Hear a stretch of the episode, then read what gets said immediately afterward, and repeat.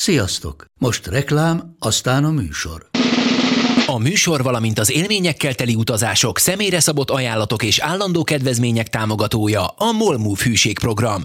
Nyisd meg a Molmove appot a profilodba belépve, add meg az utazási promóciós kódot, és tankolj Molevo és Evo Plus üzemanyagjainkból 15 forint per liter kedvezménnyel.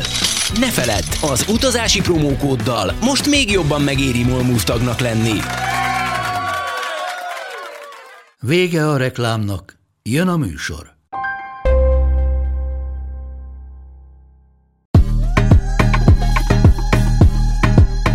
Sziasztok, drága hallgatók, én Mátai András vagyok.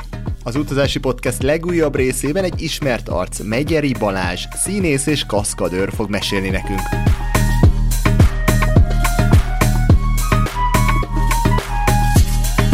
Kíváncsiak mindig a hallgatók, hogy mi honnan ismerjük egymást. Készítettetek egy zseniálisan jó filmet, ami egyszerre utazós film, tanulságos dokumentum és talán természetfilm is. Ez a szolgalelkű óriások, ami az elefántok helyzetéről szól Ázsiában, és ez nekem nagyon tetszett, ott voltam a filmpremiéren, utána kezdtünk el mi beszélgetni veled és a kollégáddal, hogy egy, ennek érdemes lenne folytatásán, vagy egyáltalán a folytatásán gondolkodni, nekünk meg amúgy beszélgetni, mert az állatok szeretet és a környezetvédelem nekem is szívügyem, és ez volt az első, és szerintem egy igen hatásos és jó jó találkozás, úgyhogy azt kívánom, hogy még sok ilyen filmet csináljatok, és utazzatok sokat, és ti aztán tényleg adtatok ezzel az utazással. Élményt a nézőnek, és akár segítséget az ottaniaknak, és szerintem ez például egy nagyon jó fajta utazás. Kezdhetnénk a gyerekkoroddal, eh, mert amikor múltkor beszélgettünk telefonban, és akkor mondtad, hogy hát te Afrikában nőttél fel. Tulajdonképpen igen, így van. És hogy hát szerintem érdemes A már innen. ellenére. A színed ellenére. És hogy akkor már érdemes innen indulni, nem? Mert hogy ez azért nagyon befolyásolja a felnőtt korodat, nem? Abszolút, hát szerencsés vagyok több szempontból. Igazából is legalább is én így gondolom az életem sok részletét és, és történetét felelevenítve, és különösen kedves számomra a gyermekkor, mert ennek valóban egy nagyon meghatározó idejét, az első tíz évét Egyiptomban, Afrikában, és végül is különböző afrikai térségekben tört- tölthettem. A legmeghatározóbb pontja az talán Egyiptom. Itt találkoztam akkor a gyermekkoromban különböző misztikumokkal. Televe ez az egész egyiptomi világ, annak történelme, története, az egy varázslatos világ. Tulajdonképpen rengeteg, nem csak rengeteg művészt és rengeteg filmest ihletett meg, de hát azért a, az onnan származó tudományos alapok és, és emlékeink a mai napig meghatározzák az emberiség történetét. Nagyon izgalmas volt ott kint, főleg hát ezzel a egyébként ö, rettenetesen kreol színnel, ami nekem ma, hát úgy világítottam, hogy szerintem a Kék ho- abszolút, így a holdról is. Tehát ott a homokdűnék között gyakorlatilag a szülők mindig zavarba voltak, hogy ne a tevét vigyék haza. De, de nagyon érdekes történetek, és, és, és szinte ilyen, ilyen furcsa megmagyarázhatatlan események jutnak eszembe, erre az időszakra gondolok. Azért alapvetően egy vallásos ember vagyok, és hiszek Istenben. Ugye az egyiptomi kultúra, meg is a monoteizmus alapjait jelenik meg, a napisten kultusz, de hát azért ők, ők meglehetősen antropomorfizálták az isteneiket, és ez a, ezért ez a vallásos történelemben is egy meghatározó időszámítás. És hát nyilván nagyon sok ilyen, ilyen kultikus, misztikus, mitológikus történet köthető nagyon sok helyszínükhöz. Az emberek nagy része nyilván először a piramisokra asszociál, a Sphinxre, Djószer fáraó lépcsős piramisára. Az is nagyon fontos tudni, hogy ugye alapvetően itt azért volt egyfajta népességváltozás is, hisz az egyiptomi, az nem ember, az nem megfeleltethető a mai arab embernek, mert szeretik a közel-keletet és a közel-keleti népeket összemosni sokszor. És emlékszem, amikor a gyermek, még kicsi gyermek voltam, két ilyen, ilyen, ilyen történet ugrik be most hirtelen. Az egyik, amikor rendőrlázadás volt Egyiptomban, ugye a Nasser bevonult a szabadtisztek élén, és, és hát ott rendőrök katonákkal egymást lőtték, és édesanyám úgy kapott be az erkéről, hogy oda is repült egy gránát, amit így megcéloztak, hát ez egy ilyen háborús helyzetbe lenni, azért az igencsak, igencsak veszélyes. És, ha ő mondjuk nem kap betéged, akkor ott az eltalál? Hát ők nem ennyire rutinosak, és hát igazából mindent tiszteltem a nőké, mert amikor egy nő anyává válik, akkor gyakorlatilag ugye nevetlen az anyatigris kifejezés, hát valóban egy ilyen szuperhős és ragadozó kombinációja jön létre, aki bármire képes a gyermekéért, és azt akár különböző mozdulatokban a kaszkadőri profizmussal képes megtenni. És, és de hát volt, voltunk ilyen, nem egy ilyen életveszélyes helyzetben. A másik nagyon érdekes történet, hogy amikor odaérkeztünk, édesapám dolgozott a kiküldetésben, és, és ő kapott hosszú évekre a kereskedelmi kapcsolatok fenntartása miatt munkát kin, és kivitt bennünket, akkor voltak különböző programok, amiket itt szerveztek az ide látogatóknak, főleg akik ezekben a kolóniában laktak, különböző országokból, és, és hát ez hozzátartoztak nyilván a nézzük meg a piramisokat, menjünk ide, menjünk oda, a Sphinx, tevegelés, sivatag, hát ennek a egyiptomi romantikának a tulajdonképpen a legautentikusabb és a legmainstreamebb megnyilvánulásai, vagy, vagy megjelenési formáinak a bemutatása, és sok, vagy hát ugye a, volt egy ilyen program, számtalan sok program mellett, hogy akkor még az egyik fáraónak a sírját akkor tárták föl, amikor kint voltunk, és ott volt benne a múmiája. És hát ugye ez, ez egy borzasztó régészeti leletnek számított, és nem az ijesztő értelmében, bár úgyse semmi, hanem, hanem inkább az, hogy ez egy nagy felfedezés. Aztán Zayavasnak volt ez tulajdonítható, aki azóta talán a legnépszerűbb és a leghíresebb egyiptológus a világon, ami kindolgozott a Kákosi professzor is, aki magyar volt. Édesapámnak volt szerencséje találkozni velük. És hát ez egy külön program volt, hogy meg lehetett nézni a fáraónak a sírját, meg ezt a, ezt a, ezt a múmiát egészen hátborzongató, hogy, hogy tényleg szinte olyan az ember ránéz, hogy várja, hogy fölkeljen onnan. Persze bennünk vannak már ezek a, ezek a filmes, a modern, filmek, igen, modern igen. filmes elemek, de tényleg annyira, annyira hihetetlen, hogy ez egy több ezer éves holtest, és mégis olyan állapotban van, hogy az, az, az embert ö, tudja sokkolni. És, és szerveztek egy ilyen programot, hogy akik a kiküldetésben vannak, nézzék ezt meg és volt az itt lakóknak egy ilyen helyi vezetője, egy arab, aki ugye nyilván ismeri a kultúrát, történeteket, a városokat. Egyébként sem célszerű, főleg manapság Egyiptomba úgy menni, hogy az ember valamennyire nem tart kapcsolatot a helyiekkel, mert, mert hát azért nem veszélytelen világ. És hát alapvetően úgy kezelték ezeket az embereket, mintha, mintha, mintha cselédek lennének, vagy szolgák. Édesapám pedig nem, ő, ő se hitt ezekben, és ő ezektől teljesen idegenkedett is, és, és ő tulajdonképpen azt, a, azt az arabot, aki, aki a, nekünk hivatott segíteni, azt, azt vendégül látta nem egyszer nálunk. Beszélgetett vele, és apám beszél arabul, és hát tulajdonképpen egy jó barátság alakult ki, és egyszer nevezzük nevén Mohamed, mert tényleg így hívták, verte az ajtót pont azon a napon, amikor ez a program történt volna, és, és édesapám kinyitották, és akkor te elmondta, hogy hát nem szabad elmenni és megnézni a fáraónak a sírját, mert hogy ez egy, ez egy átok valójában, és, és vagy elátkozott ez a fáraó, és azért akik itt élnek, azok, azok ettől félnek, hisznek benne, nem kell feltétlenül ezt elfogadni minden, de azért én úgy gondolom, hogy ha utazunk, utazunk felelősséggel, és, és a, megyünk egy kultúrába, akkor tartsuk tiszteletben a kultúrának is a, a szabályait, szokásait, hiszen most mi jött, hogy megérkezünk, és akkor fölülírunk mindent, más kultúrákban, mások, másban isznak az emberek, máshogy látják a világot.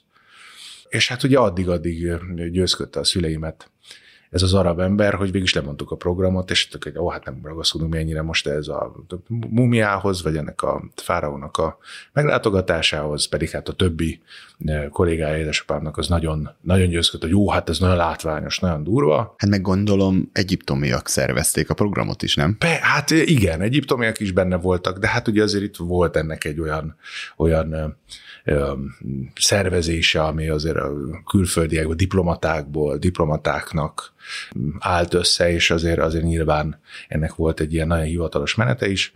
És hát mi lemondtuk ezt a programot, nem mentünk a Gezirára, ami egy könyvbeli nagy ilyen játszótér volt, és akkor hát tökéletesen el tudunk mi lenni, beszélgettünk, játszottunk sokat, sokat játszottak velem a szüleim, ezért a borzasztó rajongásom nem csak a saját gyermekkoromért, de hát mindenért, ami mese, és a filmvilágért, mert valahol a lelkem sose nőtt fel igazán, és most már nem is szeretném, hogy felnőjön.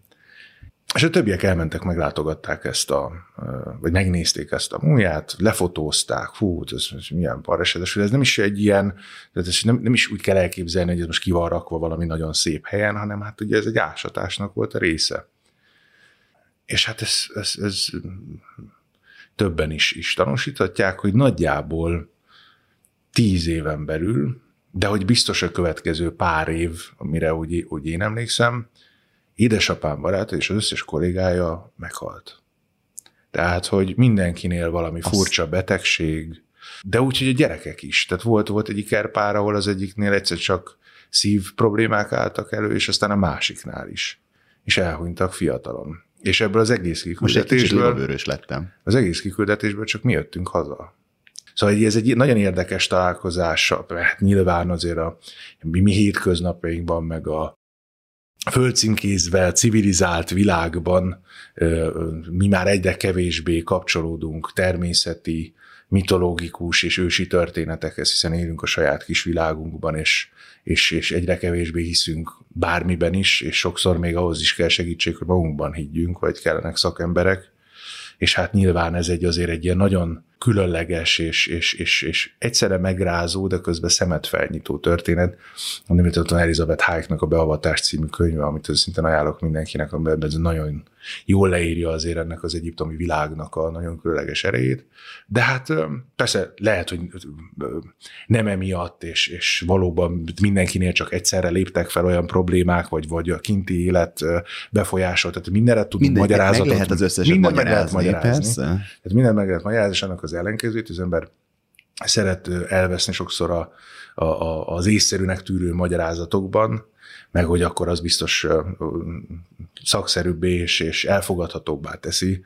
Az ugyanúgy, mint a pszichológia tudománya, aki végül is az ősi történeteket felruházta szakifejezésekkel, azt jobban befogadjuk, mint hogyha ha azt mondta, a, valakiről azt mondjuk, hogy diszociatív személyiségzavaros, azt arra bólogatunk, pedig nem feltétlenül tudjuk ennek azért, hogy meg nem tudja ennek a tudományos hátterét, mint azt mondjuk, hogy megszállta a démon, mert ettől már mindjárt ilyen filmek jutnak az eszünkbe, és azért ugye ez minden esetre nagyon érdekes volt már a gyerekkoromban egy ilyen történettel indítani. Az én életemben ez már csak azért is különleges, mert én legalább háromszor, most ugye idefele jövet, hogy elmélkedtem ezen is, hogy legalább háromszor találkoztam a halállal. Nekem volt nagyon súlyos szív problémám, a szívem egy kis időre meg is szűnt annak, mi voltában dobogni. Akkor volt egy balesetem, ahol, ahol akkor átzuhantam, hogy, hogy összetört majdnem mindenem, és ott is ott se tulajdonítottak sok. Felvétel közben volt? Tehát, hogy nem, nem, nem, nem, nem, nem, ez, ez, ez ezen kívül. És, és aztán utána meg két-három évvel ezelőtt, amikor bejött ez a Covid, én az első Covid hullában nagyon beteg lettem, az orvosok szerint, tehát ott is, ott is felmerült az, hogy egyáltalán lehet, hogy lélegeztetőgépre kerülök, de küzdöttem, hogy ne, és végül is nem kerültem, hála Istennek, de utána kialakulhatott egy olyan szubaraknoidális vérzés a fejemben egy ilyen állószer, amit én egy időre a látásomat elveszítettem. Mennyire? De aztán há, hónapokra. Tehát, hogy, hogy, hogy, nem úgy, mint a vakság, azt úgy kell képzelni, hogy megjelentek akkor a fekete foltok a szememben, hogy igazából semmit nem láttam és az öcsém kísérgetett, meg a szüleimnél éltem, hogy az elején, hogy, hogy valamennyire össze tudjam magam szedni, és aztán hála az orvosoknak, egy kiváló doktornőnek, Sári Ivárnak ötször megműtötték a szememet, és most így, így azért visszakaptam a szemem világát, de hogy, hogy valahogy meg, meg az én életemben is jelen volt nagyon sok furcsa, különleges esemény, ami igencsak próbára tett, és, és itt vagyok. Uh-huh. Tehát, hogy, hogy Persze ezt is biztos, hogy meg lehet magyarázni sokféleképpen, meg hogy nyilván a gyerekkoromban a nagymamám főztje, meg a rengeteg tepertő, meg a nem tudom, hogy olyan immunrendszert és, és génállományt alakított ki, hogy az ágyugolyót is kibírom. de én inkább tulajdonítok nagy jelentőséget azért bizonyos spirituális, ezoterikus és, és misztikus jelenségeknek, amik szerintem igenis vannak, és, és igenis van hatása akár a gyermekkoromnak az egész eddigi életemre, hogy, hogy én egy ilyen környezetben nőttem föl, és, és azt tiszteletben tartva, és az ottani erőket, energiákat tiszteletben tartva tértem haza Európába. Ezért lettél babonás az ilyen élmények miatt, vagy mondjuk ez egy ilyen családi vonal és családi neveltetés? Hát babonás nem vagyok. Nem, mondjuk, ennek ellenére sem vagy Ennek babonás? ellenére sem vagyok nem. babonás. Bár az utcán átszaladó fekete macskáktól azért összeugrik. Hát akkor az Illetve az. a kicsi Anubis figuráktól azért próbálom távol Na, hát akkor magam, az az. de nem, nem, nem gondolom, hogy, hogy, hogy babonás lennék, egyszerűen csak csak elfogadom, hogy a világban az Mondjuk én, én egy, egy ilyenre, hogy valaki azt mondja, hogy ide nem menj el, mert ez elátkozott, akkor akkor te erre mit mondasz? Ha én elutazom egy kultúrára, sokat utaztam azért életem során, sokat utazhattam, ez is megint csak egy nagy áldás és, és szerencse, bár úgy gondolom, hogy ez élet igazi lényege, hogy úton kell lenni, és, és, és mindig, amikor egy, egy más kultúrába értem, akkor tiszteletben tartottam uh-huh. a kultúra ismerőit, vagy ha azt mondták nekem, vagy egy helyi arc azt mondta, hogy hát ez nem biztos, hogy jó ötlet, akkor én nem mondtam azt, hogy fog meg a söröm, hanem, hanem, hanem akkor, akkor én azt tiszteletben tartom, azt mondtam, hogy jó, hát menélkül az élmény nélkül is teljes tud lenni az utazás, hogy én bizonyítgassam, hogy á, nincs ott semmi, és akkor aztán utána meg az ember elgondolok, hogy ú, lehet, hogy hallgatni kellett volna azokra, akik ott élnek uh-huh. már sok-sok évtizede, évszázada, lehet jobban ismerik a saját környezetüket. Én ezt igyekeztem mindig, mindig tiszteletben tartani. Úgyhogy ez a, ez a, ez a tulajdonképpen a gyermekkorom első és meghatározó, nagyon fontos utazási élmény, és hát ráadásul ugye visszajöve onnan született az életem legnagyobb ajándéka a testvérem, tehát, hogy végül is mi élettel tértünk onnan vissza mindenhogyan. Te hány éves voltál? Hát nem majdnem tíz. Igen, amikor, amikor... És ott született a... Nem, nem ott született, már amikor visszajöttünk. Jó, akkor, aha, akkor csak ott született aha. meg. Hát igen, bármi lehetséges. Ez, tehát, hogy persze hiszek én sok mindenben, de hát a gólyárnak, de ennyi gólya nincsen. Ennyi. Úgyhogy szóval ez, a, ez az utazásaim kezdete. És az, hogy egy arab világban felnőni, az mennyire befolyásolja most az életedet? Az elfogadást tanította meg nagyon kicsi koromban. Tehát mm. nekem az, hogy valakinek milyen a bőrszíne, hogy más nyelvet beszél, hogy máshogy gondolkodik, hogy más szexuális vonzalma van, ez számomra teljesen természetes. Tehát nem, nem, nem szélsőség, hanem, hanem hogy én mm. ezt, ezt elfogadtam, hiszen ott abban a kultúrában én voltam a szélsőség. És téged elfogadtak? És engem elfogadtak, nagyon jó kis barátaim lettek ott már gyerekkorom, és úgy, úgy, úgy bántak velem, és úgy fogadtak el, olyan szeretettel, és annyira nem foglalkozva az, hogy ki vagyok, és honnan jövő, hogy végül is én ezt, ezt hoztam át. Mm-hmm. Ezt vittem tovább, és ezért nagyon fontos szerintem akár az is, hogy hogy, hogy, hogy gyerekkorban utazzon valaki, hogy, hogy ezt a fajta világnyitottságot, mert szerintem a magyar ember alapvetően is be van zárva a saját érzelmi és, és, és mentális világába. Ezért vagyunk hajlamosabbak depresszióra, szorongásra is, mert, mert, mert nagyon nehezen nyitunk. Az elsődleges érzelmünk egy bármilyen kapcsolat teremtés során az a bizalmatlanság nem pedig a feltétel nélkül bizalom, majd csalódom, jó, megyek tovább. Mi bizalmatlanok vagyunk alapvetően, azért mert nagyon be vagyunk zárva, és sokszor akár még még kulturálisan is nagyon le vagyunk választva a környezetünktől. Nem európai embernek, vagy világfinak vagyunk nevelve, hogy te egy világrésze vagy, utána egy kontinens, és utána egy ország, nem fordítva. Vagy te az ország, és akkor onnan kifelé, mm-hmm. és, mhm. ezért, és ezért azt látom sokszor, amikor a magyar ember utazik, akkor a kis zárt világát viszi át egy másik országba a kis saját szokásait viszi át egy másik országba, ahhoz ragaszkodván majd hazajön, hogy hát igen, nem volt rossz, hát ott is nagyon jó volt a, vizé, a rántott hús, meg a, és nem az van, hogy ő mondjuk nyitva utazik. Ez egyik legfontosabb tanulság szerintem egy utazásban, hogy, hogy nyitott elmével kell tudni utazni, illetve utazóvá kell tudni válni, és ami azt jelenti, hogy ez most nem az, hogy minden hülyeséget meg kell csinálni, hogy landolok valahol, hanem hogy hogy alapvetően nyissam ki az elmém és az érzelmém arra, hogy, hogy ott vagyok máshol, és annak van története. Uh-huh. És, és hogy én ezekre a történetekre nyitott legyek. Csak így belegondolok, hogy téged befogadtak ott Egyiptomba, ha megfordítjuk, és mondjuk Magyarországra jön egy egyiptomi gyerek, azt valószínűleg ugyanúgy befogadják? Hát főleg most nem szeretek se politizálni, nagyon távol áll tőlem úgy, ennek az egész világa, de nem vagyok benne biztos, Nagyon hogy, nem. hogy, hogy, nem, hogy, Én- hogy, hogy befogadná. Én tegnap este egy iraki fiatalemberrel beszélgettem, és meglepődve, és kicsit szégyenkezve tapasztaltam azt, hogy elmesélt, hogy milyen atrocitások érik 2022-ben Magyarországon. Igen, döbbenetes, akár csak en- ennek a nagyon sokszínű szí- és, és szép kultúrának, vagy az egész világuknak ez ugye ez az örökös démonizálása, és, és, és valóban a Albert Einstein azt mondja, hogy a hülyék tudnak mindent, a többiek meg tanulnak egész életükben. Most egy, akár csak egy népcsoportot bizonyos szélsőségek alapján, vagy egy szegmensek alapján kategorizálni, és azt mondani, hogy na hát ők ilyenek, ez az egyik legnagyobb Uh-huh. balgaság, meg, meg, meg, meg ostobaság szerintem, hiszen individuális teremtmények vagyunk. Mhm. Minden kultúrában van ilyen is, meg van olyan is. Kevesen tudják, hogy a sorozat történet, vagy a sorozatgyilkos történelemben az elsők között egy magyar sorozatgyilkos szerepel. És most, hogyha a világon, aki ezzel foglalkozik, ez alapján kategorizálná a, a, mi, mi népidentitásunkat, azért az, az, az, az nem lenne méltó sem megfelelő. Úgyhogy igen, sajnos, sajnos annak ellenére, hogy evolúcióról beszélgetünk, meg fejlődésről, és látjuk, hogy milyen technikai környezetben élünk, és ma már mi mindenre vagyunk képesek, akár csak egy készülékkel a kezünkben.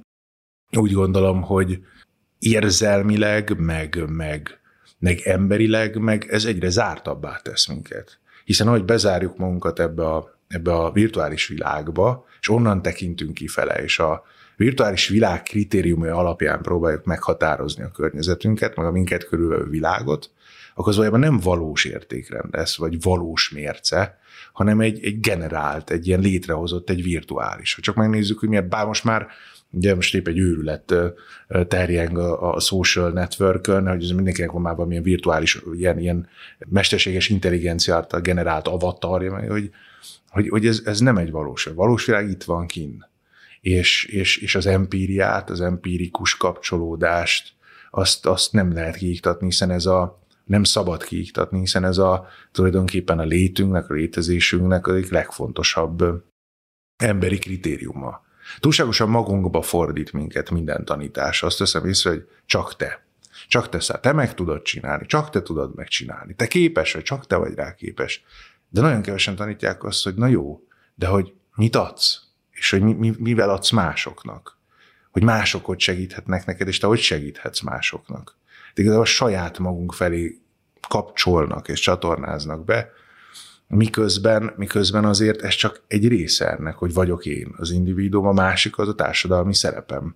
Szerepem a civilizáció, szerepem a közegben, a környezeten, a közösségben, az állatvilággal való kapcsolódásomban vannak ugyanúgy feladataim. És hogy én magam felé fordítanak csak be, akkor én leszek egyedül bezárva, és, és onnan semmi sem lesz valóságos igazán. Uh-huh. Mennyire éltetek ti ott burokban, Egyiptomban? Nyilván a kint élők, meg tehát ugye a kiutazók, a kiküldöttségben dolgozók, azokat egy ilyen kolóniába terelték. Tehát, hogy ők együtt laktak. Uh-huh. Németek, olaszok, mindenfajta franciák, angolok. Ez ugye alapvetően picit így elzárva nyilván, akár csak amiatt, hogy ők is összeszokjanak, szocializálódjanak, hiszen ez is egy közös érdek.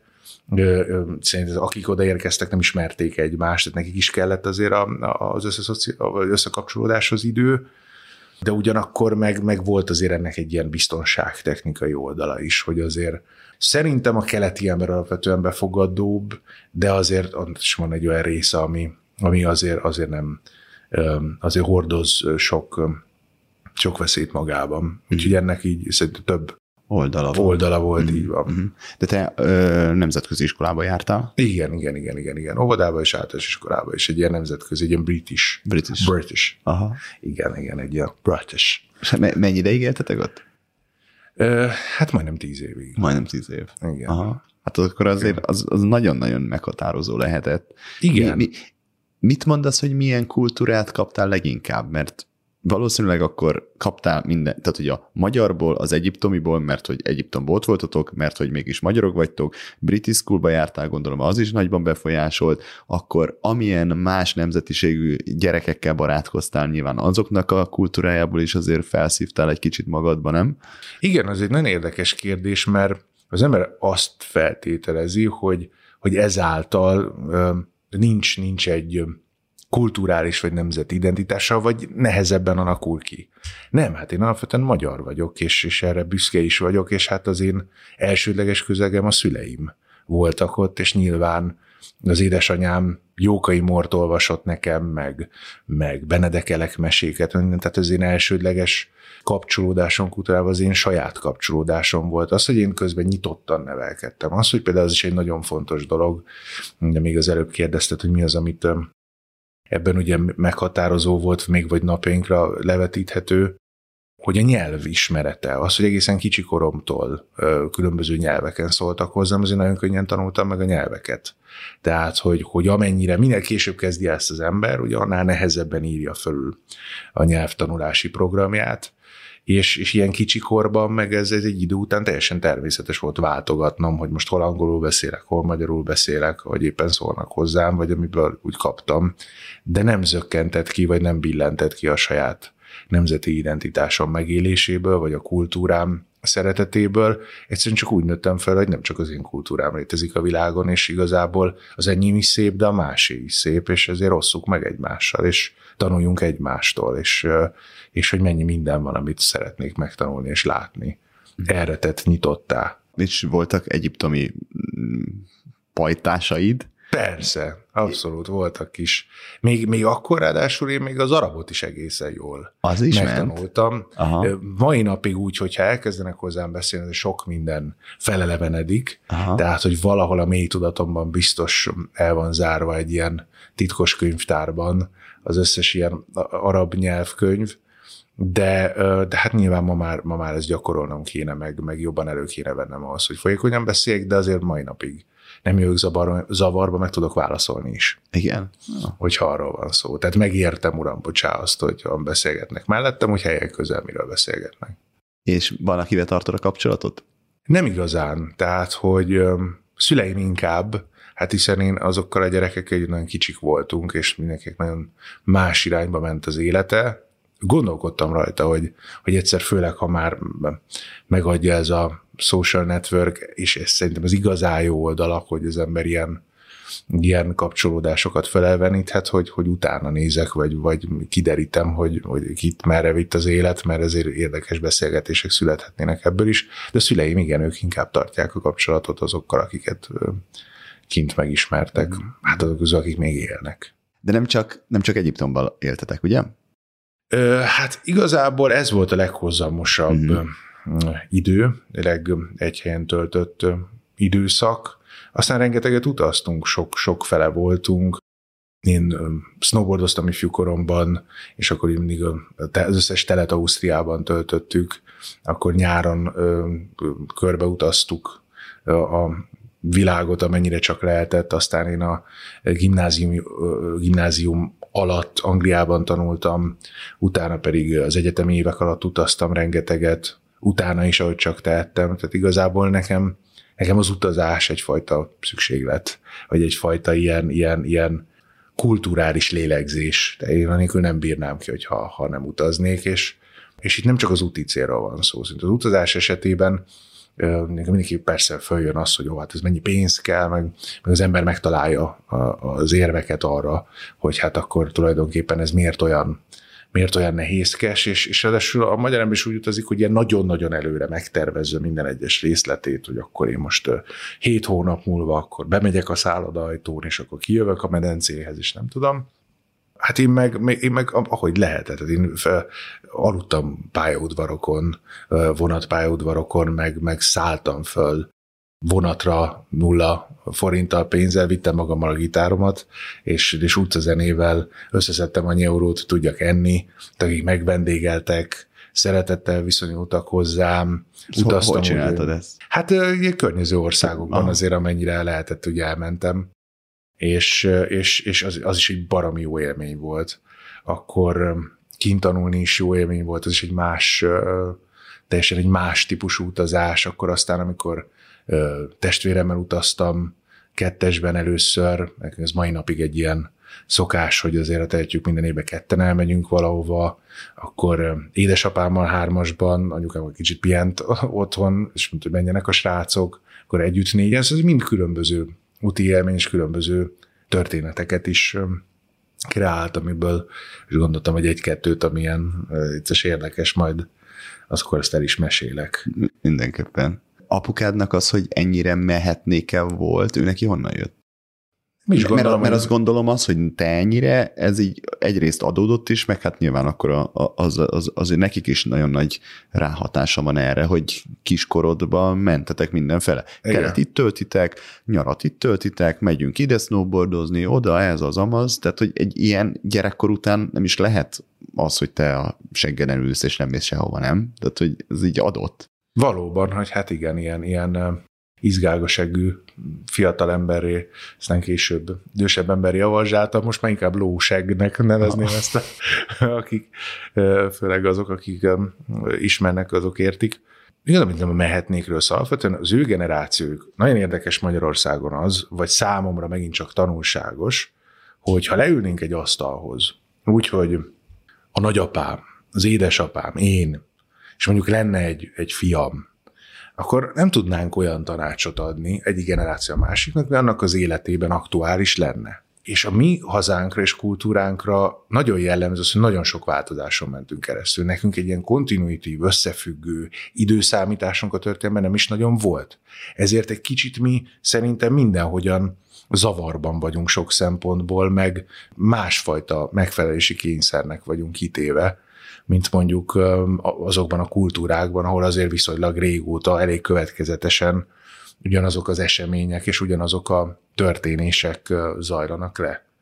És az, hogy mondjuk akár a nagyapámék, akik azért háborús generáció, és azért nagyon sok mindent megéltek, főleg nagymamám, hát ő aztán annyi mindent tudna mesélni két világháború után, hogy még némi forradalom, édesanyám, aki már forradalomba született, édesapámmal rendszerváltozás, vagy rendszerváltás, hogy, hogy azért nekik igencsak máshogy alakult a, a személyiséglélektanunk és, a, és az individumok fejlődése, és az ő idejükben azért nem lehetett annyira utazni. Tehát, hogy nem, nem arról szólt, nem a világ megismeréséről szólt, hanem túlélésről, tanulásról, megszerezhető tudásról, viszonylag zárt térben megszerezhető, zárt közegben megszerezhető tudásról, és úgy gondolom, hogy a, az én szüleim, vagy az én édesapám meg már mivel hogy ő már a rendszerváltozás gyermeke, nyilván ő, ő, ő meg, meg is kapta azt a fajta inputot a nyugattól, a számítógépekkel, a telefonokkal, stb., hogy ő már nyithatott felé, és nagyon érdekelt, vagy nagyon érdeklődő ember, mai napig, aki nagyon sokat tanult, és, és sok felé a világban, ahogy csak tehette, és nyilván neki a kitörés, az onnan jött egy nagyon szegény kis falu Miskolctól nem messze, és, és neki a nagy álom, meg elvágyódás az a kiszakadás volt. Én már nem a kiszakadó utazó vagyok, tehát nekem nem a kiszakadás volt a cél, hogy én nem úgy utazom, hogy, hogy lássak a világból, mert annyira bezárt az én világom, hogy, hogy muszáj látnom azt, ami odakint van, hanem engem már az élmények, a történetek és a szabad utazás ténye az, ami, az, ami állomásról állomásra visz. És ez szerintem egy teljesen különböző vagy, vagy teljesen másfajta utazói attitűdöt generál. És nyilván az utánunk jövő generációnak, akinek már, már abban nő fel, hogy igazából itt se határ, se semmi, annak meg talán az utazás ténye megint csak más. Az is nagyon érdekes lenne, hogy ezeket összevetni, hogy akár ugyanazokról a helyszínekről, ugyanazokat a helyszíneket bejárt emberek mit gondolnak, mit gondolnak arról a helyről vagy hogy látták, vagy ők hogy élték meg, vagy, vagy mi az, amit ő akart látni, vagy mi az, amit az a generáció fontosabbnak tartott. Ha veszünk egy Rómát, hogy akkor szüleim a Kolosseum, Vatikán, és hogy ezeket a klasszikus bejárva, amit tényleg csodálatos, Sixtusi kápolna, Michelangelo fantasztikus munkájával mennyezeten és oda felnézni, valóban elvarázsló, de hát azt akár abba az életbe belekóstolni egy kicsit, ami ott kint van, az olasz embert megismerni, kicsit már szabadabban létezni, megkóstolni azokat az italokat, elmenni velük táncolni, bulizni, az már, az már megint egy másfajta úti Te, te neked inkább ez?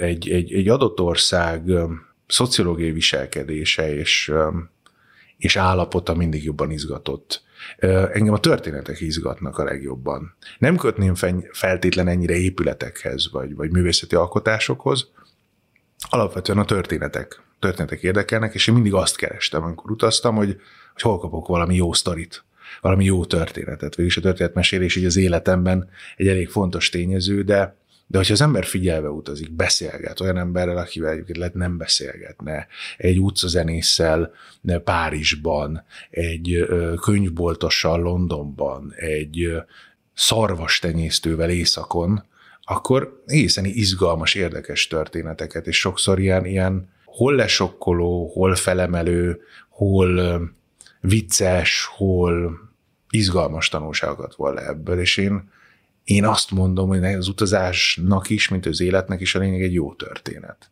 És szerintem a legnagyobb kincs egy jó történet, a beszélgetésekben is. Szerintem azért nem olyanok már sokszor a mai beszélgetések, és most úgy beszélek, mint egy nagy öreg matuzsállam, úgyhogy ugye a szakállamat hátradobom a, ide a szék mögé, de nem, nem, nem feltétlen a napjainkra gondolok, hanem sokszor látom azt, hogy a bőrök valójában mindenki telefonjában, vagy úgy csöndben ülnek, merengenek, és nagyon kevésszer hallok én zsibongó társágokat, egymás szavába vágva a sztorikat mesélni. És szerintem az a, az a legfontosabb bármilyen között, bármilyen kapcsolódásban, hogy a történeteinket osszuk meg egymással, egy párkapcsolatban, egy baráti kapcsolatban, egy, egy haveri társaságban, ez egy, ez egy nagyon-nagyon fontos dolog. Hát igen, és ez, ez, is erről, ez is erről szól, amit most csinálunk. Igen, a történet. A történetek. És közben, hogy mondtad, beugrott, hogy nem konkrét eset, inkább az érzés ugrik be, hogy amikor valakivel találkozom, és elkezdek vele beszélgetni, és ez egy kényelmesebb lenne nem beszélgetni. Tehát, hogy itt azért kell erőfeszítést tenned, hogy valakivel beszélgessél, de kapsz egy olyan történetet, hogy azt, és így nem láttad volna, hogy ebből ez lesz. És azt mondod, hogy de jó, hogy én nyitottam, de jó, hogy elkezdtünk beszélgetni. Hát, mert ez is egy harc a saját programod ellen, Igen. ami ugye a megszokásokra épül, ami a hétköznapi rutinra épül, hogy jó, most bemegyek dolgok, fú, most fáradt vagyok, most nincs kedvem, nincs kedvem lemenni, nincs kedvem sétálni, nincs kedvem beszélgetni, nincs kedvem semmihez. És a, szerintem a nyitottság, de úgy alapvetően is a saját magunk átprogramozása, az pont ezeknek a szokásoknak a megtörésével kezdődik. Hogy, mert hogyha ha azt hiszük, hogy nekünk ez kell, és sokszor ez a legnagyobb illúzió, hogy ó, de én ma sem megyek ki, meg holnap sem megyek ki, meg most nekem ez így olyan jó. Aztán szépen ezt elfogadjuk, vagy, vagy így ebbe kicsit úgy beleülünk, aztán csodálkozunk, hogy miért vagyok depressziós. Mert vagyunk depressziósak. Ezeket a szokásokat elkezdjük tudatosan akár átprogramozni, és azt mondani, hogy de én lemegyek sétálni egyet, bár fáradt vagyok, de most kimegyek egyet, vagy iszom egy kávét a kedvenc helyemen, vagy beülök egy, egy, egy mozira, összefutok a legjobb barátommal, most éppen ő is ráér, akkor csak úgy beszélgessünk egyet. Nem kell mindig ürügyet találni, vagy nem kell mindig, mindig nagyon megtervezni. Ez, ezt a fajta ilyen, ilyen bezáró beidegződést kell tudni nagyon egyszerű hétköznapi rutinokkal fel. És ezért mondtam, hogy az utazásnak nem kell ekkora úti célja legyen. Nem csak az utazás, ha New Yorkba megyek, vagy Amsterdamba, hanem utazás lehet a, a saját világomba, a saját lelkem körül, és igazából ott kell, hogy kezdődjön. Saját magamból. Az utazó az, az először belül utazik, hogy én igenis nyitott vagyok, és akár nyitott vagyok a saját környezetemre. Tudok-e valamit a szomszédomról? Ó, itt a másik utcába építettek, hát látom, hogy sokan állnak oda, mert megkérdezem, hogy mi történik. Tehát ez a fajta nyitottság az, ami, az, ami igazán utazóvá tesz. Nem az, hogyha én most egyszer csak a zárt világomból átmegyek egy másik helyre, és viszem át az zárt világomat. Hát ezek, ezek alapvetően lépések is, fejlődések, fejlődés momentumok és ez, először ezeknek kell megtörténnie. Úgyhogy ez jó, az ember így ráveszi magát, bár persze azt is lehet úgy, hogy jó, de hogy összefutottunk, aztán akkor lejövünk valahova és beszélgetünk, tehát persze ennek is meg kell, meg, meg lehet a helye és ideje, De ez az első és legfontosabb, amit, amit te is mondtál, hogy, hogy ráveszem magam. Sokaknál látom azt beszélgetésekben, és monologizálnak. Ez elmondja, az elmondja, és akkor szevasz. És akkor hazamegy, és így úgy, hát neki is, hogy elmondtam ugyanazt, amit egyébként mm. mindenkinek, és igazából az egész életem ugyanaz az egy, egy, egy mondandó. De hogyha figyelek, befogadok, és a figyelem is egy nagyon fontos, tanulni figyelni, értően figyelni, visszakérdezni. Tehát egy beszélgetés egy, egy adó-vevő közti információcsere, és ezt alkalmazzuk, akkor, akkor mindig történetekkel gazdagabbak leszünk, és, és nem kell annál nagyobb gazdagság, mint hogy, mint hogy jó történeteink vannak. Tehát akármennyi pénze lehet az embernek, ülhet egy, egy szuperházban, a garázsban pedig olyan sportkocsik, hogy már a nevükhöz is nyelvvizsga kell, hogyha egyszer nincs története, és ebben a zárt világban él, egy palota is lehet börtön. És egy börtön is lehet a világ egyik legizgalmasabb utazó helye. De erről szól Alexander Düma mondta Krisztó grófja, ki végül is Ifvárában vált igazán nyitottá és tanultá. De hogyha például Rubin Hurricane Carter történetét megnézzük filmen, vagy olvassuk a boxoló, akit bezártak ártatlanul 30 évre, és még arról beszélt, hogy a fejét, az elméjét, a lelkét nem tudták bezárni, az mindig utazott. És így élte túl. Hm.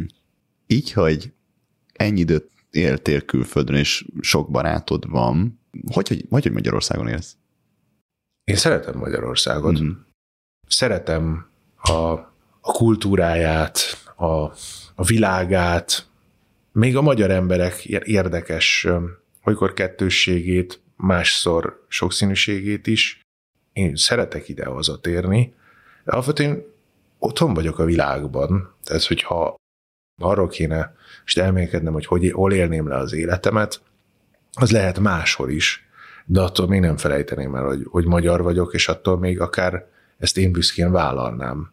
Hogy alapvetően ez egy, ez egy nagyon jó ország, és nagyon jó táptalaja a kreatív elmének, különböző gondolkodásformáknak és, és különböző csodálatos történeteknek, hát hiszen nagyon kevés kultúrának van ennyire sokszínű történelme, ilyen esemény gazdag világa, és ilyen, ilyen sokfajta területen és sokfajta formában megjelenő művészete. De ahhoz, hogy ezt tud, és ezt így gondold, ahhoz el kell menni néha. Ehhez el kellett menned, nem? Igen, de ez, ez, ez, ez az ember örök kettőssége talán, vagy ez a, ez a bennünk lévő természetes dualitás. Én úgy hívom, hogy nézőpontcsere. Tehát ha minden csak belülről figyelek egy pontról, akkor annak mindig ugyanaz a képe lesz. Ha kicsit arrébb állok, és máshogyan világítom, meg az egy egészen másik kép lesz. De akár belsőnkben is, akár magunkkal szemben is tudnunk kell sokszor, különböző tanokban jön eszembe, spiritualitástól, de még akár a keresztény kultúrában is ö, nagy tanítóktól olvashatunk azért arról, hogy, hogy a saját magunk ö, megfigyelése kívülről, vagy uram, bocsá, elvonatkoztatni a szituáció, és látni ezt kívülről, az egyúttal nem csak a, a nézőpontnak az áthelyezése, de a gondolkodásnak is, valamint az empátia fejlesztése. Hiszen akkor tudom más helyzetébe belegondolni magam, hogy ezt, ezt tudom onnan vizsgálni. Ha én csak magamból vezetek le mindent, és mindennek a közepején vagyok, én meg az epicentrum az univerzumnak, akkor mindenről egyfajta, ugyanaz lesz a véleményem, és, és, és nem leszek nyitott. Nyitott úgy tudok válni, hogyha ugyanazt körbe tudom járni. Hát a filmszakma ezt a legjobban bizonyítja, hogy nem igazán tudok olyan filmről, hogy az operatőr lerakja a kamerát, és akkor ott előtt lejátszanak mindent, hanem nyilván megmutatja rengeteg plánból, ugyanazt a képet, hogy, hogy így, így kapcsolódjunk be, mint néző a történetbe. Ha csak azt néznénk, hogy egy ilyen egy ponton keresztül, és akkor ott elrohangálnak előtte, hát szerintem vagy a moziba vernék egymást, hogy az emberek, vagy hogy a gutültést kapnának idő után, az egészen biztos. Kell az, hogy, hogy máshonnan is figyeljem ugyanazokat az eseményeket akár. El kell menni ahhoz, hogy legyen értelme visszajönni, vagy hazatérni. A hazatérésnek is van varázsa, a hazatérésnek is van ereje és igazán a hazádat, a te értékeidet és a kultúráthoz való kapcsolódásodat is onnan tudod figyelni. Az, hogy élsz a saját kultúrát közepén, nem biztos, hogy tudod, hogy ez mekkora kincs. De elmész, elutazol, találkozol más kultúrákkal, esetleg ők meghallgatják a te történeteidet, és tátott szájjal figyelnek, és izgatottan kérdeznek, akkor rájössz, hogy igazából arra jössz, ez valójában nagyon jó. A hazatérés szerintem erősíti a benned lévő nemzeti identitást, tudatot. El kell menni, hogy, hogy az ember Hogy visszatérhessen, igen. igen. Legyen értelme visszatérni. Mhm. Csa- családdal merre? Mi- Milyen utakon mentek? Apukáddal, tesóddal? Tehát mondjuk tesóddal inkább ilyen kalandosabb, és vágjunk neki valami oda, ahova mondjuk apu nem jön velünk, apukáddal inkább kicsit, nem tudom, kényelmesebb esetleg, vagy ő is elég bevállalós? Nálunk hál' mindenki azért elég laza bevállalós, nyilván a testvéremmel egészen más, tehát a vele a kapcsolódás is egészen más, de ez, ez így is kell, hogy működjön.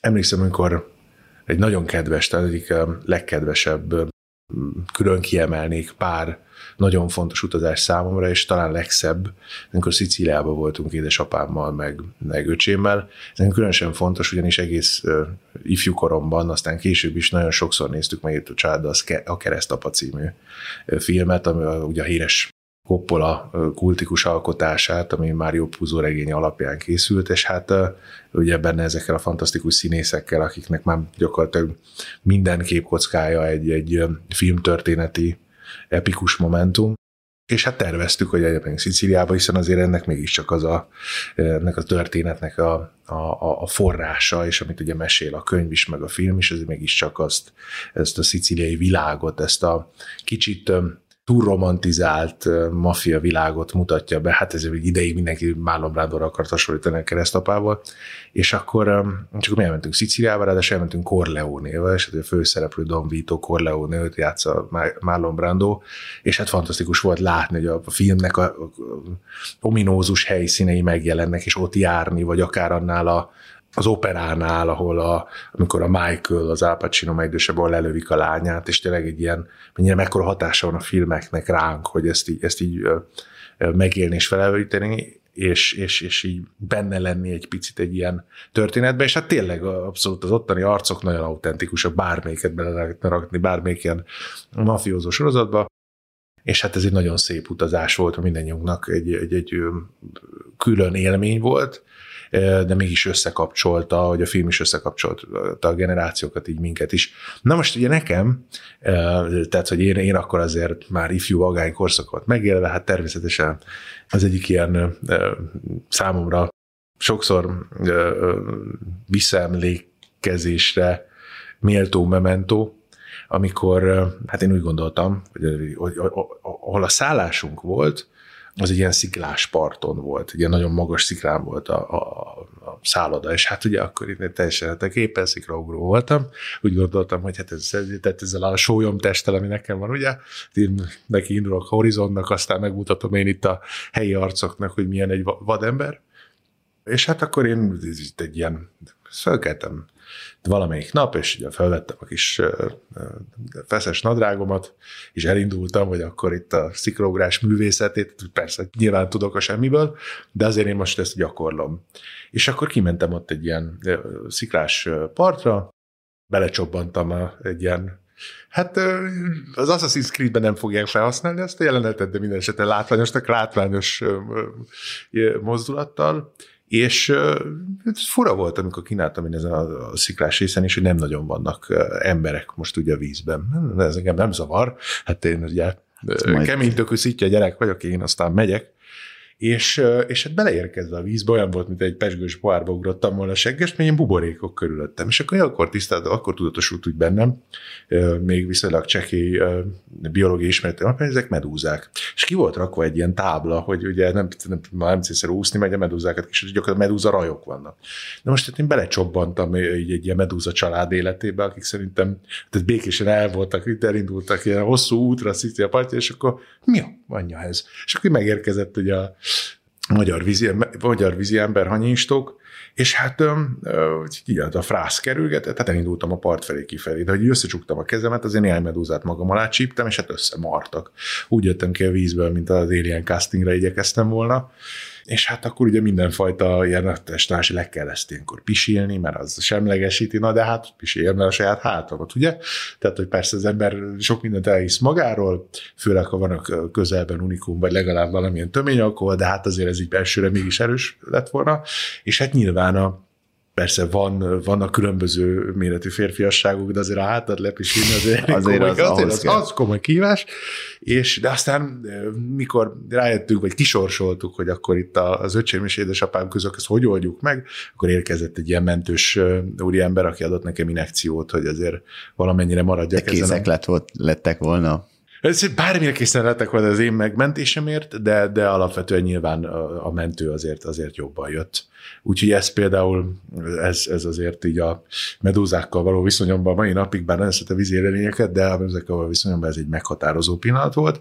És hát ugyanígy Szicíliában történt, amikor én úgy gondoltam egy másik nap, hogy éppen nem sziklógrás vagyok kiváló, akkor a jetskizés az én sportom, és lehetett a jetskit bérelni nagyon olcsón, hát én arra felpattantam, kiúzattam, jó, megyek és száguldok, lobog a hajam, ez igen, tényleg még a zenét is halljunk az ember belül, amikor is egyszer csak ezek blügy, blügy, blügy, blügy, blügy. És hát így a jetski úgy döntötte, hogy nem biztos, hogy velem folytatná a pályafutását, Mondtam, hogy hát nem probléma, hát kiúszom, vagy ezek a part felé, hátranéz, és láttam, hogy a part, most hirtelen nem tudtam, hogy Amerikához vagyok-e közelebb, vagy Európához.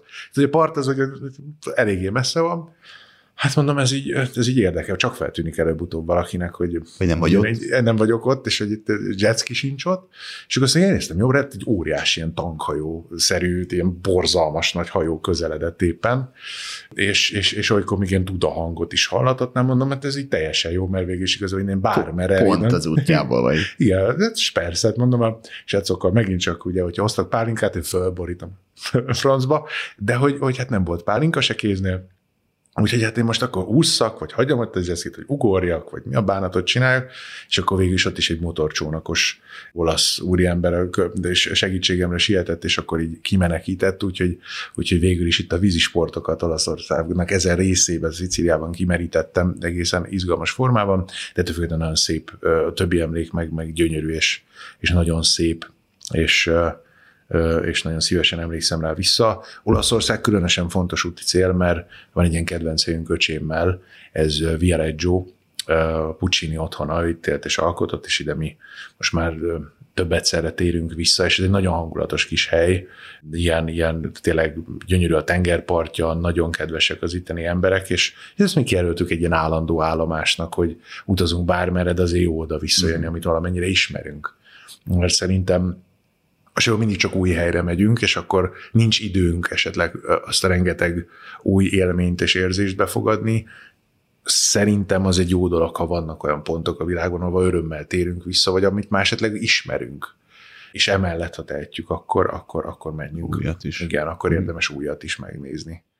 Te azért szokták kacérkodni útközben az ilyen kis extrém dolgokkal? Tehát, hogyha van... Mert az elején azt mondtad, hogy ha a helyiek azt mondják, hogy vagy az mondjuk gyerekkorban volt, hogy a gyere, azt mondják, hogy te ez hülyeség, ezt ebben ne ugorjál vele, vagy ne csináld, akkor az így felnőtt korra azért, hogyha van eszedbe jut valami, hogy oda föl lehet mászni, ki lehet ugrani, meg lehet lovagolni, akkor te azért fölmászol rá, meglovagolod?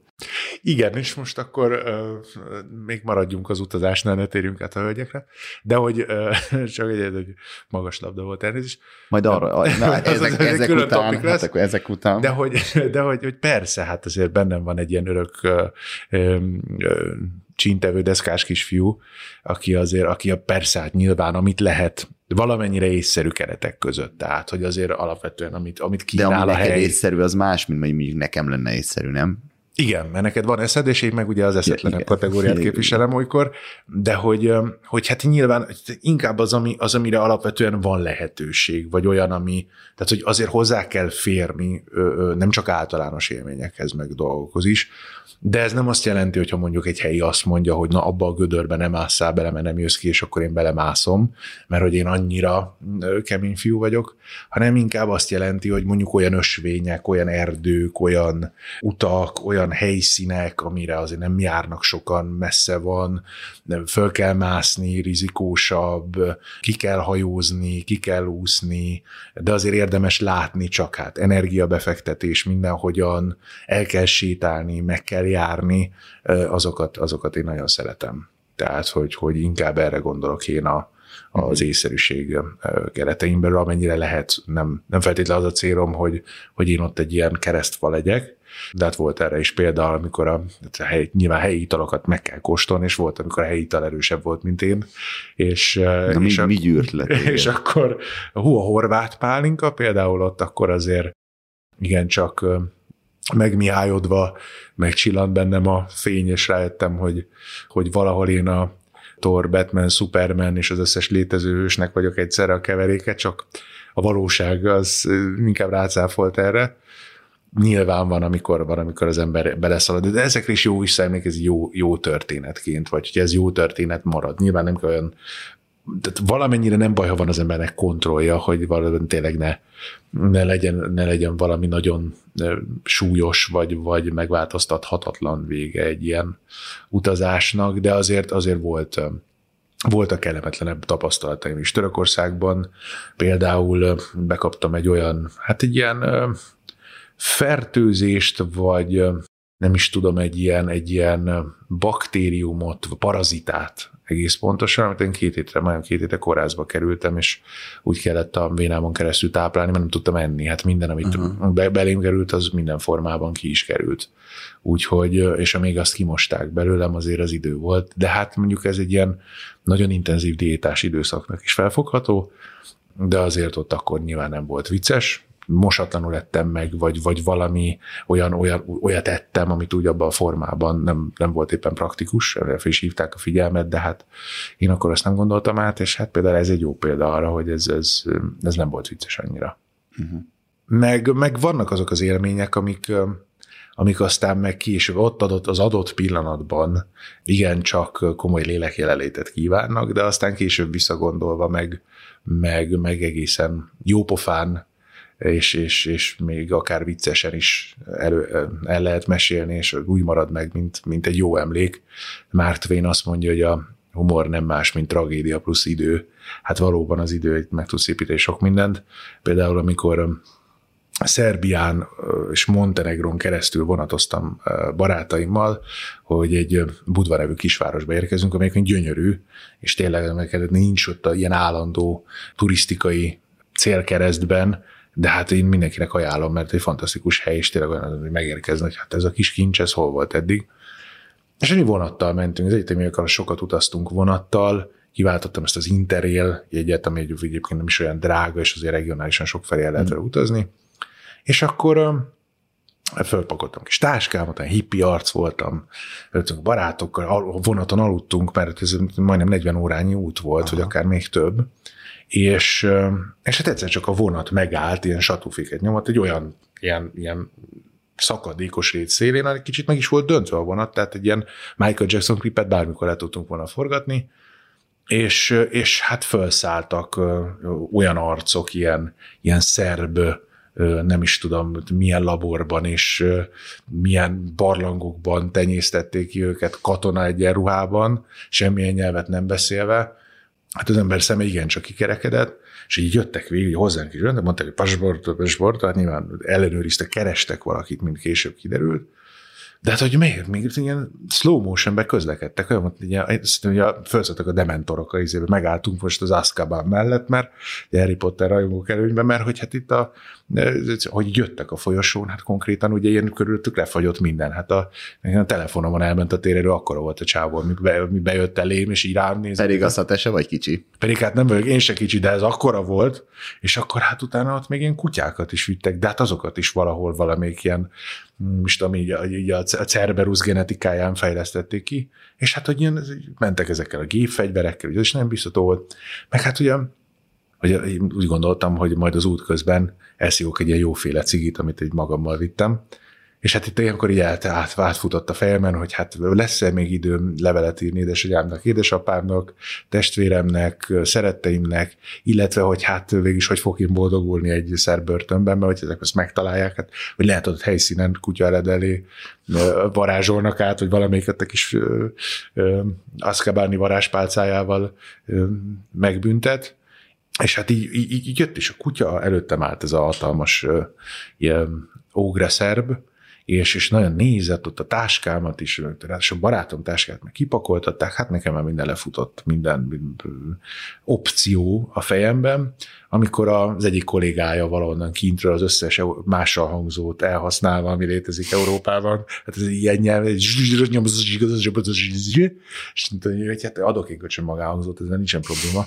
Az összes más hangzót elhasználva bekiabált neki, az eldobta az útlevelemet, és kiszaladtak mindannyian, és akkor ott az egyik mosdóban találtak valakit, akik kirángattak, hát valóban a kitessékelés az nem a megfelelő kifejezés. Erre van, egészen furcsa mozdulatokkal gyakorlatilag így, így, így nem leszették a vonat, vagy itt volt a vonaton, azt meg lent volt, tehát nem is volt átmenet, így le, valahogy ott le, levarázsolták onnan, és, és, és aztán ott vele üvöltöztek, meg a földre lökték, meg nem akartunk belgondolni, szerencsétlen mi történhetett, de aki elmesélte a szomszéd vagomból, hogy hát ugye szeszt csempészet, vagy nem tudom, ami azért ott az büntetendő, meg hát alapvetően is a, a, azért az a régió az azért egy elég kemény világ, elég kemény történelemmel, és akkor végül is mi tovább haladtunk, hát természetesen én akkor nem csak a saját Istenem, de minden máshoz imádkozva, meghálálva köszöntem, hogy végül is ez Soha így alakul. többet. Soha többet, semmilyen körülmények között, úgyhogy akkor hol lehet helyszínen cigarettát venni, de hogy nem, soha többet, semmilyen körülmények között. Ezt nagyon köszönöm szépen, megérkeztünk, és akkor egy ilyen nagyon érdekes, nagyon jó nyaralás volt és, és hát nyilván abban a pillanatban én a pulzusomat nem mertem volna megmérni, mert az összes kardiológus visszaadja a diplomáját, de, de aztán utána most így visszaemlékezve persze ez is egy, egy nagyon jó pofa élmény volt, vagy nagyon szórakoztató. Nagyjából hasonlóan vegyes érzelmek, bár sokkal nagyobb szeretettel övezve zajlott le a 2010-es labdarúgó világbajnokságon. Én a barátaimmal kint voltam Spanyolországban, és hát ugye akkor Spanyolország játszott Hollandia ellen. Ez volt a döntő és Hát itt természetesen, mint a fiatalok, úgy tartottuk a ruhákat, hogy ledobálva az ágy mellé, ami volt. Volt egy kupac, ami már nem veszek föl. Ilyet egész pontosan háromfajta kupac volt. Igen. Volt, ami már magától elindult Igen. a partra. Na, az volt az olyan, hogy hát oké, okay, a középső az elmegy, jó lesz ez. Még egyszer, Még egyszer elmegy. Menni. Van az a szangria, amitől ez nem tűnik fel, és akkor volt a harmadik, a tiszta ruháké. És akkor hát mi nagyon el, megterveztük, meg elképzeltük, hogy hát mi kimegyünk, és Valencia szívébe, a Mestájánál fogjuk ezt megnézni, és ráadásul ugye akkor a spanyol válogatónak sok Valencia játékosa volt, tehát nekik ez tényleg egy nagyon nagy nemzeti esemény volt ez a döntő, óriási élmény volt, és, és ebben hát látni, megélni, és, és hogy hát mondja, kimegyünk, de előtte kicsit partozunk, strandolunk, és akkor felöltözünk és bemegyünk. Hát hát, akkor még meg kicsit többet partoztunk, mert strandoltunk, nagyon jól el voltunk ott a helyi arcokkal is, meg a, a, a helyi közeggel, sokszor nagyon szimpatikus helyi közeggel, hogy, hogy aztán egy kicsit késve értünk vissza egy páran, és akkor gyorsan nem foglalkozza vele, néztem a tiszta kupacot, földobáltam, ami van, így megfésülködtem, és elindultunk befelé, hogy akkor már volt, aki már többiek közül már előre indult. És akkor megérkeztem a mesztája közepére, ahol végül is az egész Spanyolország szinte ott állt, és óriási kivetítőn, és kezdtem, hogy hát egy idő után érdekesebb vagyok, mint a kivetítő. Én pislognak hátra. És nem is igazán értettem, vagy barátom is így rögnek rajtam, és így lenéztem, és egy narancssárga pólót sikerült felvennem. Most én ugye eleve ezzel a rettenetesen ö, déli külsőmmel ö, megtévesztően spanyol és olasz hatást keltek, ö, valójában nem, és, és hát ugye a hollandok messzine a narancssárga. Most én álltam középen, mint egy ilyen világító kapásjelző narancssárga pólóban, miközben körülöttem mindenki pirosban volt. És, és, és a spanyoloknak drukkoltál közben. És a spanyoloknak drukkoltam, tehát ez volt a szép, hogy én a spanyoloknak drukkoltam valóban. És, és mondta, hogy huha, ez, nem volt így hirtelen átgondolva. Az az egészben nagyon szép, hogy nagyon szeretetteljesen kezelték ezt, tehát hogy ebben nincs ekkora ügy. Úgy veszik, hogy jó a hülye, ennek szurkol. Sőt, ráadásul ott megint csak mellé állt a teremtő, és hogy, hogy ne legyek utána este spanyol zászló, vagy hát ugye holland zászló valamelyik rúdon. A spanyolok nyerték meg a világbajnokságot, ennek ők annyira örültek, mindenkit szerettek, mindenhol ingyen, a taxikból kiszálltak, mindenhol ingyen ittunk mindenki ingyeni volt, hát ez egy karneváli hangulat alakult ki, és engem is akkor gyölegettek, és akkor mindig elmondták nekem majdnem minden sarkon, hogy Niderland is good, but Spain is better. És, és akkor mondtam, hogy hát igen, igen, ők a legjobbak, és mondtam, hogy legközelebb srácok szóljatok, hogy a póló színét tekintve, de hát ez is egy, egy ilyen kellemes élmény volt, aztán az egyik ilyen mulatozás közben le is szedték rólam a pólót, úgyhogy igazából... Mert nem azzal mentünk. Úgyhogy igazából utána végig csak feszítve kellett állnom, hogy húha, maradt volna a póló. De, de ez is egy így visszatekintve egy, egy, egy nagyon jó élmény volt, meg egy vicces történet. Te a fizimiskád miatt ilyen bármilyen pozitív vagy negatív megkülönböztetése szokott érni? Szokott. Zömében akár mondjuk Ázsiában, hát kétszer akkora vagy, mint mondjuk egy átlag ázsiai. Ezek mind, mind pozitívak, mert úgy néznek rám, mint egy ilyen animációs filmfigurára, aki éppen megjelent. Negatív megkülönböztetésre is volt példa, bár nem is azt mondom, hogy negatív megkülönböztetés, inkább csak olyan, olyan feszült helyzetben. Vagy mondjuk az, hogy a katonák így kinéznek maguknak, vagy valaki így kötözködik, hogy na, tudom én. Hát Marseille-ben például a színes bőrűeket sikerült egy olyan ö, környékre keveredni, Franciaországban, ahol ahol, ahol azért több volt a, a, a, a fekete bőrű fiatalember, és hát én ott megint csak nagyon világítottam. De egy-két ilyen hozzászóláson kívül egyébként nem, nem volt ezzel sem probléma. Pozitív szokott lenni, főleg Olaszországban. Tehát mentem testvéremmel is legutóbb mellett, és mindig a felfogott szőke ajammal, és akkor mindig kiabálnak utána, hogy Tóre, Tóre! És akkor sokszor oda jönnek megkérdezni, nem én vagyok-e a Tor. És mondtam, hogy ez így attól függ, hogy mit fizetsz inni.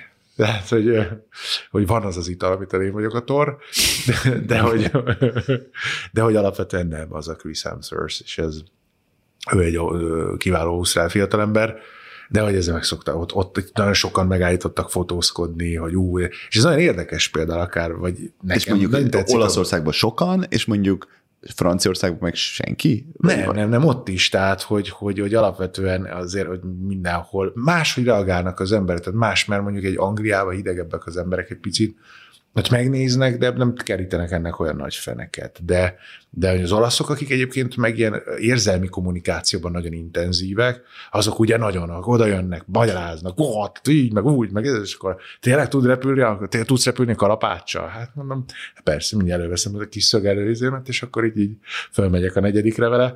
Nem, hát a tor biztos tud, én nekem nincs ilyen ö, ö, típusú kalapácsom, van kalapácsom, de az, az teljesen másmilyen. És ők, ők ilyen nagyon intenzív érzelmi kommunikátorok, és hát ez is nagyon érdekes, hogy nincs bennük az, hogy mondjuk ez egyfajta közeledés lenne. Egyszer megállítottak csávók is, nem egyszer, fiatal srácok, ha csinálják meg velem fotót, már annyira jó a style, meg annyira jó az a az nagy szöke hosszú meg úgy minden, hogy hát őket is akarnak egy képet csinálni. Csak csináltak képet, és elmentek. Uh-huh. Szóval, hogy ez egy, ez, ez egy érdekes dolog, hogy nem tartom szélsőségesnek a fizimiskámat, ez nyilván van, vannak azért ma már sokkal látványosabb megnyilvánulások, extrémebb kinézetek, de, de minden, én is le tudom szűrni a tapasztalatokat kultúránként, hogy azért, azért mire hogy reagálnak. Jó, mondjuk Skandináviában csak hozzám szólnak svédül, tehát hogy ja, ott, ah. ott ennyi nem, hogy így megkérdezik, hogy ne arra úgy meg merre van a izé, mert látszik, látszik, hogy te helyi arc vagy.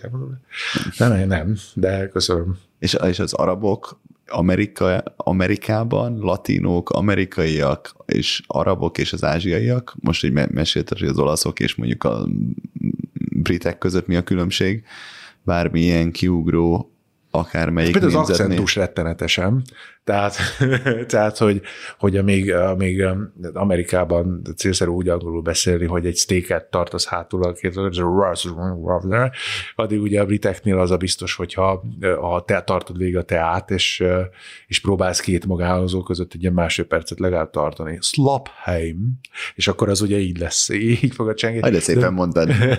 De hogy ettől függetlenül nem, tehát az amerikai latin környezetben nem voltam. Ez megint csak az, hogy, hogy, hogy, hogy más az, ahogy mondjuk egy, egy összefüggő, egy homogén környezet hogyan reagál valakire, és más az, hogy mondjuk egy egyén, uh-huh. mert mexikóiakat ismerek, jól tapasztaltam velük, indiaiakkal is, ázsiaiakból is tudok olyat, aki nagyon érdeklődő, nagyon kíváncsi, de, de sok olyat is meg, hogy nagyon zárkózott, szóval, hogy De zömével nem ott találkoztam a saját környezetében, nem valami utazás során vagy munka közben. És ez egy teljesen más helyzet. Hmm. De az, hogy mondjuk a saját környezetében, hát nem biztos, hogy, hogy egy narancssárga pólóban beszáguldanék Mexikó szívébe, éppen valamelyik kartel épp a munkásságát fejtik ki, és megmondanám, hogy jöttem, hogy mi le, nem biztos, hogy én tudni akarom, hogy mi lenne erre a reakció. Mindenesetre Mexikó meg annak a kultúrája nagyon érdekel, és megint csak az olmék civilizáció és annak a története is nagyon sok olvasmányomban szembe jött velem, de más az, ahogy egy ember a saját világában, és hát már ott is vannak különbségek. Tehát hogy megint csak az, hogy nálunk is vannak különbségek a főváros és a vidék között, sokszor szerintem nagyon látványos és érzékelhető, és, és vannak különbségek egyébként más kultúrákban is, különböző régiók között. Hogy, hogy, hogy mondjuk más egy, egy, egy latin-amerikai, vagy egy mexikói, Mexikóban, ja, mondjuk Amerikában, mondjuk Los Angelesben és New Yorkban, ez, ez teljesen, teljesen függ attól is, hogy, hogy hol és milyen helyzetben uh-huh. találkozol vele. Nagyon érdekes volt, hogy itt a felvétel előtt mesélted, hogy milyen különbség vannak a különböző filmes produkciók között, és hogy itt is mennyire, és hogy vannak azért visszatérő elemek, hogy, hogy, hogy kik hogyan csinálják. Említetted az indiaiakat, az a legviccesebb.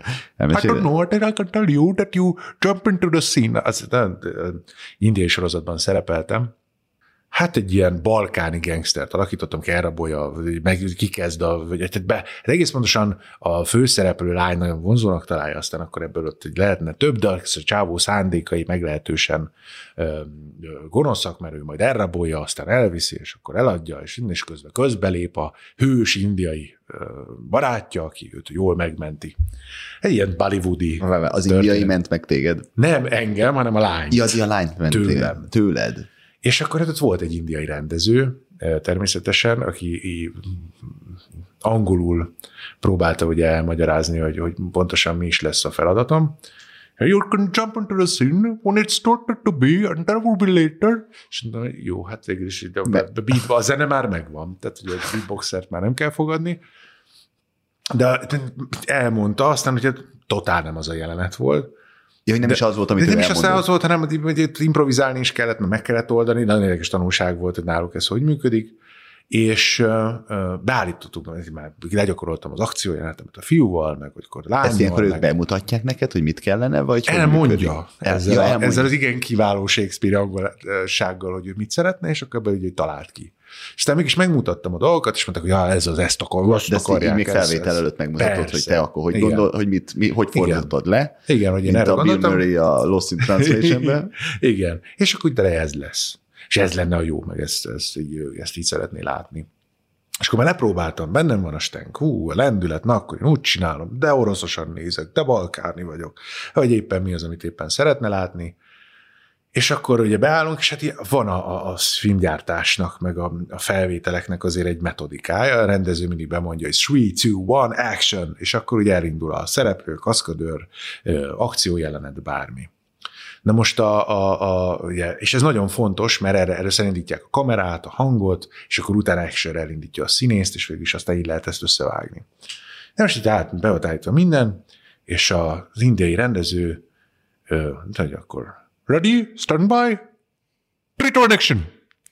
És ez volt a 3-2-1 action, és hát így gyakorlatilag ugye én, én hirtelen ugye kinéztem, hogy egyáltalán nekem mondja vagy galambokat etett, vagy, vagy mi történik, vagy ez egy, egyáltalán mi, pontosan ez melyik nyelv volt hirtelen nem esett le. Közben a srác meg elindult felé, hogy az akció jelenetet csinálja, de aki meg annyira megszeppent attól, hogy én meg nem reagálok rá, hogy, hogy ahogy így hátra hőkölt, meg fölborította a színészlányt, akiért meg nyújtunk ketten. Szóval egy, egy, egy, egy ilyen fantasztikus, egy ilyen Monty Python jelenet állt elő, és, és hát ö, nyilván nagyon mulatságos volt, és akkor utána jött a rendező, és mondta, hogy akkor, akkor még egyszer. És hát mondtam, hogy hát de hogy valami szünetet tartson már itt a számok között, hogy tudjam, hogy én mire indulok el, mert a mert ugye nem tudom, hogy én melyik vagyok, a vagy a tr, hogy, hogy én pontosan hol kell, hogy belépek ebbe a jelenetbe. És akkor végül is aztán nagy nehezen összejött, összejött az a jelenet, majd a, a, a rendező végén mondta, hogy hát, hát mindenképpen szeretne meginvitálni, meg akkor városban ígyunk, együnk egyet, meg, meg akarnak egy ilyen kis összejövetet, megköszönjék a munkámat, hogy írjam fel a számot, és akkor is felírja az enyémet, és akkor beszélünk. Jó, hát elvettem a telefont, és akkor diktálta. Five, triple six, eight, Sanjay és te, bocsánat, elnézést, tehát, hogy, hogy az elejéről kezdhetnénk ezt a, ezt, ezt a megfejtést. És ez is eltöltöttünk egy 10 percet, triple six, one, triple one, seven. Jó, majd fogom hívni. Sőt, SMS-t küldök. Hát nyilván beírtam nyolc különböző kombinációt, de aztán valahogy végül is aztán összekeveredtünk.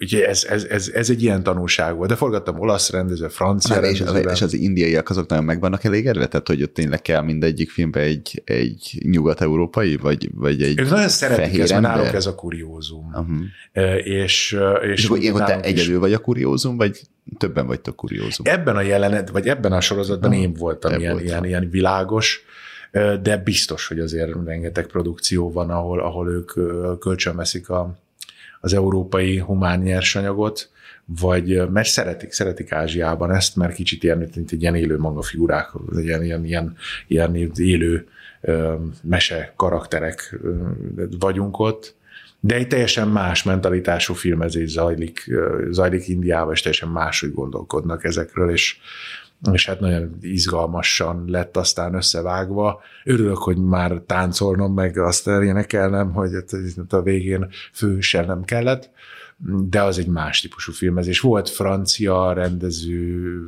vagy akivel dolgoztam együtt, az meg tényleg olyan, hogy, hogy, hogy igazából két bor és három croissant között valahol összejön a jelenet, és, és, és nagyon művészi legyen a végkifejlet, de ezt meg tudja oldani annál is, hogy a főszereplő iszik egy pohár viszkit, de azt is annyira legyen művészi, hogy hát úgy így a viszkit, hogy tök is valami. Semmilyen filmben nem ittak így viszkit, és akkor ő elmagyarázza, hogy so you can uh, imagine uh, if you uh, drink uh, this liquor and you will try um, to taste the feeling of the universe and ez abszolút ezt így bárhol lehozom, ezt, ezt, ezt, ezt a jelenetet. Um, az azért volt nagyon aranyos. A, a, a, a, az olasz rendező, hát nekik ugye mindenhol van egy indokolatlan elbetű, de valahol az angoljukban. Tébala, stand, kamere. Tehát, hogy ott, ott valahol bekerül egy elbetű, és akkor az úgy, de szóval, és akkor ő is, ez, ez egy ilyen, ilyen, ilyen, ilyen szenvedélyesen rendezett, de ő, szenvedélyesen rendezte azt is, hogy, hogy belépsz az ajtón, tehát, hogy, hogy abban is akkor energiát, hogy I want to see the energy, I want to see the force, force. És akkor ő szólt, hogy hát jó, de hát csak ki kell nyitnom az ajtót, de hát majd olyan forcával nyitom ki az ajtót, hogy az ajtó sem maradott, és, és, és, és volt, volt angol, aki meg, meg fantasztikus őket hallgatni, tényleg, hirtelen nem tudtam, hogy most a szöveget mondja, vagy ez, ez, a, ez az instrukció. Um, if you see Charlie with a, a, a little bit uh, some some strange reaction, you can pick up your phone and call the other actor, and when you finished, you can try from another scene. I think we should we will take another scene for this. And uh, um, maybe later we will try to put some action in it. És így ő, ő hogy bravo! És akkor mi lesz az én feladatom? Mm. Szóval, hogy, hogy, hogy, hogy, hogy ez hogy nagyon jó, jó különböző nekem- kultúrák. Ez nekem tetszik. Mi volt még? Japán? Mondtad a japánokat? igen, igen, Egyébként igen. láttad a, a, a Lost in Translation-t? A, ezt a Igen, filmet, amikor van a viszkis jelenet, amikor ugyanez, csak hi- hiába bármit csinál, az nem működik. igen. Ilyen volt egyébként neked, amikor valami annyi, tehát hogy így bár, megkaptad az instrukciókat, akárhogyan, de nem tetszett nekik? Mindig törekedtem arra, hogy megoldjam a feladatot. Nem is az, hogy nem tetszett nekik, olyan volt, hogy, hogy folyamat nem volt fix elképzelésük. Nagyon Aha. akartak valamit, csak nem tudták, hogy mit. Ja, és hogy akkor az, az volt az elképzelés, hogy te majd ott mutogatsz valamit, és akkor És csak azt mondják az egyikre, ilyen- hogy "Ú, ez tetszik. Így van, egy ilyen jelenetdivat bemutató, Aha. és akkor hú, most egy kicsit lehetne olyan, olyan, olyan, olyan, olyan zordabbul, olyan hidegen. Aha, nem. Tudnád ezt egy kicsit olyan, olyan olyan szenvedéllyel, olyan, olyan nagyon szerelmesen. Szerelmesen inni sört? Persze. Jó, nem. Akkor tudnál egy kicsit olyan, olyan, olyan akciósan, de vágjam az operatőrhöz. Olyan akciós, legyen olyan kicsit olyan, á, nem. Fú, úgy kéne, hogy, és akkor annyira el volt ez, hogy majd 80 féle verziót csináltam, Csak és, és, és, és, és, igazából aztán a végén elengedték, és hogy na jó, hát igazából is biztos, hogy kell ez a jelenet, hanem inkább át kéne váltani arra, ahol beszélgetnek, mert ez most így nem, nem, nem, nem tudtak rájönni, hogy ez nem, nem érzik annyira. Úgyhogy de hát próbáltam az instrukciókat követni. Bármennyire is éppen akkor ott abban a helyzetben nem feltétlenül éreztem át én sem, amire gondolnak, de, de próbáltam követni. Mm. Úgyhogy nagyon vicces jelent volt, amikor belgákkal, flamandok, vallonok, forgattam együtt, és és nagyon jó volt, jó fek voltak a kasszisrácok is, meg a színészek, és hát én szeretek az aktuális nyelvkörnyezetű forgatáson megtanulni valami fajta újdonságot. Szeretem a nyelveket, és szeretek tanulni nyelveket, és akkor mindig megkérem, hogy tanítgassanak nekem az egy-két dolgot, mert úgy szeretnék köszönni, hogy vagy, milyen napod volt. Tehát én a napokat azért hogy tanuljak már meg. És akkor azt kérdeztem tőlük, hogy hogyan van az, hogy, hogy jó étvágyat, mert éppen ebédelni mentünk. És, és akkor mondták, hogy ezt így kell mondani, és mondom, ó, hát milyen szépen cseng. És akkor fogtam a kis tálcámat, az egész stáb ott ült, én elindultam, mint a ős lovag, és mindenkinek mondtam, amit táncoltak. És volt, és mondtam, és mondtam, és, és mindenki lefagyott arccal nézett engem. És akkor én elültem a végén a, az egyik szereplőhöz, aki nézett rám mosolyogva, azt mondja, hogy te tudod, hogy mit mondasz? Vagy, vagy, vagy, vagy ez most hogy jött, hogy te ezt mondod? Hát itt a srácok mondták. Jó, mert azt vágod, hogy végig kurmányáztad az egész stábot. Megszivattak? Igen, és mondta, jaj, de köszönöm, hogy te most bevágott. Hát, hát a Belgiumot most már nem célzom meg különböző produkciókkal, mert ott ott végül is ilyen nagyon mosolygós arccal mindenkinek megmondtam, hogy a jó édesanyját mit csináljon, és, és, és ilyen, ezekből is születnek De vicces helyzetek. Bírom, hogy ilyen vicces a stáb. Igen, én, én, én nagyon szeretem, humor nélkül szerintem igazából maga az élet is teljesen, teljesen fölösleges. Nem tudod végig nevetni, vagy, vagy nem találsz abban partnert, hogy végig nevesd, vagy végig hogy az utazásaidban nem nincs szerepe a humornak, akkor az, az, az szerintem az nem egy, uh-huh. nem egy jó élet, nem egy jó Ki, út. Kiknek van a leghasonlóbb humoruk a miénkhez? Nagyon, mindenkinek valamilyen én találkoztam, ami Mert hogy ez nemzetenként más. Nemzetenként teljesen más a humor. Teljesen van, más ahol, a humor. Valahol kis óvodás, valahol komoly, valahol Nekem, szarkasztikus, igen. valahol groteszk, valahol igen, például nagyon szeretem a szóvicceket, a magyar nyelv erre nagyon sok teret ad, és hát más kultúrában azért ez kevesebb. Bár, bár az angolok egyébként még valamennyire ezre nyitottak, és, és ott szórakoztattuk egymást ilyen szóviccekkel. Nyilván ez egy, egy ilyen nagyon magas szintet, alapvetően az, egy ilyen intellektuális igényű humorfajta, de mondjuk azt mondom, az, én az amerikai humort nem szeretem annyira. Na, ők nagyon ilyen, ilyen altái, sokszor már nagyon sok, nem nagyon érzik a mértéket, tehát a humorizálásnak, vagy a jó humornak, a jó poénnak a, a, a, a helyzet és az idő egy nagyon fontos tényezője. Jól kell tudnod időzíteni, hiszen ez arról szól. És azt is tudni kell, mikor elég és az volt olyan színész, akivel találkoztam, és az nettesen humorosnak érezte magát, és csak mondta a számára vicces történeteket, ő jókat nevetett, amikor egy érzet, hogy a sajátján. A sajátján, hát, hogy te már össze Stanislavskit felhasználtad, és még mindig nem tudsz nevetni, de olyan retteltes humora, hogy te jó is, te hirtelen dolgot támad a Kraft kocsinál, hogy hú, pont hívnak, megyek, mert hogy már nem tudsz ezzel mit kezdeni mi ebből egy cimborámmal sportot is űztünk mindig, hogy kézáltuk, hogy menekülünk ezekből a helyzetekből, mert egyszerűen ilyen, ilyen és volt egy, volt egy srác egy forgatáson, aki csak mondta-mondta a történeteit, és rettenetesen nem volt vicces, de a történetek is fárasztóak voltak. És hát próbáltuk jelezni, hogy hát most mennénk be. De, de várja, azt még elmondom. És akkor én álltam ott teljesen ilyen, és én filmesztelen voltam ebben a jelenetben, és így a fülemhez kaptam, hogy tessék, igen, ú, mennem kell, szóltak, fülemre megyek. És mondta, menjél csak persze. Hát, hogy annyira benne volt a sátrág, hogy az se tűnt föl neki, hogy ki a franc szólt volna az én fülemre, és min. Tehát, hogy kijön a Káspi, és szól, hogy menjek be, vagy valami, de hogy nem szólnak a fülemre, hát ez a rendezőasszisztenseknek van ilyen headsetje, de ez ad látványos. Hát, hogy már nem tudtuk mit improvizálni, mert valahogy ebbe ki kell menekülni, vezetesen kínos. Az angoloknak jó humora van, egy ilyen érdekes sajátos humora van, meg ők na, ezt a nagyon szépen a, ezt a kimértséget tudja, tehát ilyen, ilyen rezignált arccal tudnak bődületes maraságokat mondani, és az emberek az elsőkor nagyon tud nevetni rajta, hogy, hogy ők, ők ilyen, egy, az angol humor ez szerintem egy nagyon sajátos műfaj, és én nagyon szeretem.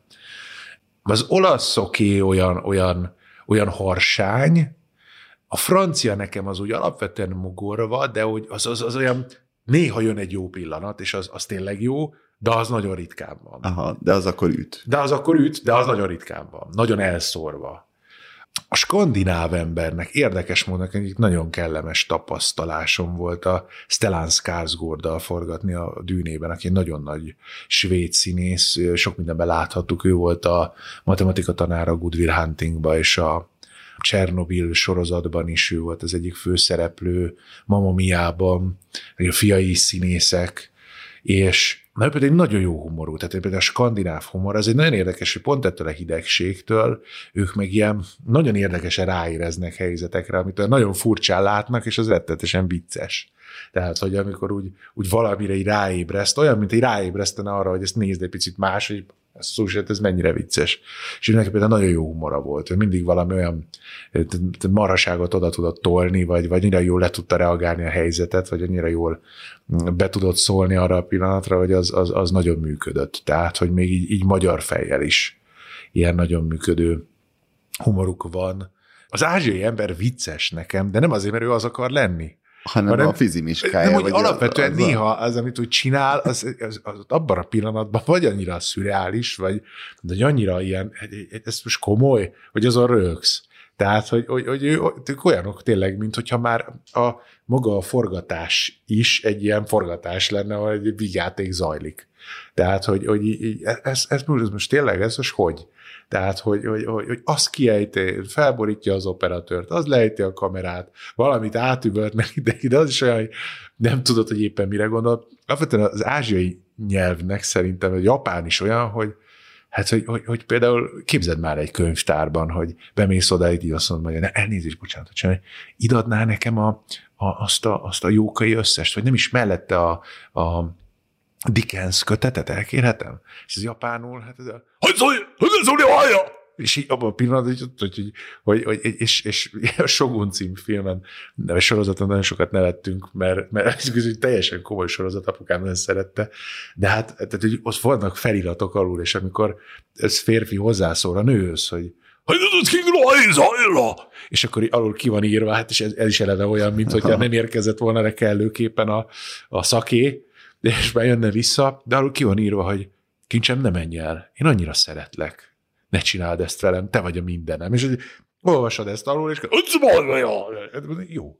És akkor ugye, hogy ezek, őket így hallod, ezeket a párbeszédeket hallod, és őket hallod így, ők így szólnak egymást, és nem tudod, hogy haragosak, vagy most éppen ők is nevetnek, vagy, vagy, vagy ez most egy vicces szituáció volt, vagy, vagy, vagy nem így gondolta, vagy úgy gondolta, és én, én, én akkor nagyon sokat nevettem, így, így sokszor így ilyen kicsit így, mint a szégyelném, vagy er, errejtve, vagy most lehet, hogy ez egy komoly helyzet volt, de hát, de hát annyira szürreális, hogy, hogy az ott elborult, ráesett a világosító paraván, amit, az ráesett a színészre, és is csak megjelenik egy ilyen zsebszamuráj a rendező tekintetében, és csak hallod, ahogy és én mindig kiszóltam, mennyire igaza van, hát ezt én biztos úgy csináltam volna, hogy ő mondja. És akkor hát ez, ez egy például életetesen. És ezeket, amit most itt előadsz nekünk, ezeket szoktad ott nekik előadni? Van, van amikor parodizálni. Volt, le, ilyen leparodizálni őket? Szoktam őket. Az a jó, hogy például, például van ázsiai ember, nem, ez is válogatja, de hogy, hogy, hogy én parodizáltam már nekik saját magukat, és és nagyon jót nevettek rajta, hogy tényleg nekik ez így cseng, és hogy ez, ez mennyire vicces így ezt visszahallani, meg hogy, hogy még volt olyan, hogy annyira jó sikerült, hogy egy-két szónak még értelme is volt. Tehát mondták, hogy ilyen szó van amúgy. Ja. és mondtam, hogy basszus, én nem gondoltok, akkor azt hiszem csak, hogy el, elmagyaráztam a, a kínai filmeseknek, vagy megmondtam neki, hogy szerintem ők valójában angolul beszélnek, csak mi, hogy a világ túlpontján vannak, ezért ugye ott visszafele megy. Tehát, mint amikor visszafele tekered a hangot, meg hát, hogy mi, hogy ez egy világ másik, ilyen és elméletem, hogy, hogy ez valójában angol, csak vissza van tekerve. És ezért ilyen fura. És lehet, hogyha ezt elindítanál előre fel, akkor az, hogy could you give me a couple of tea, please?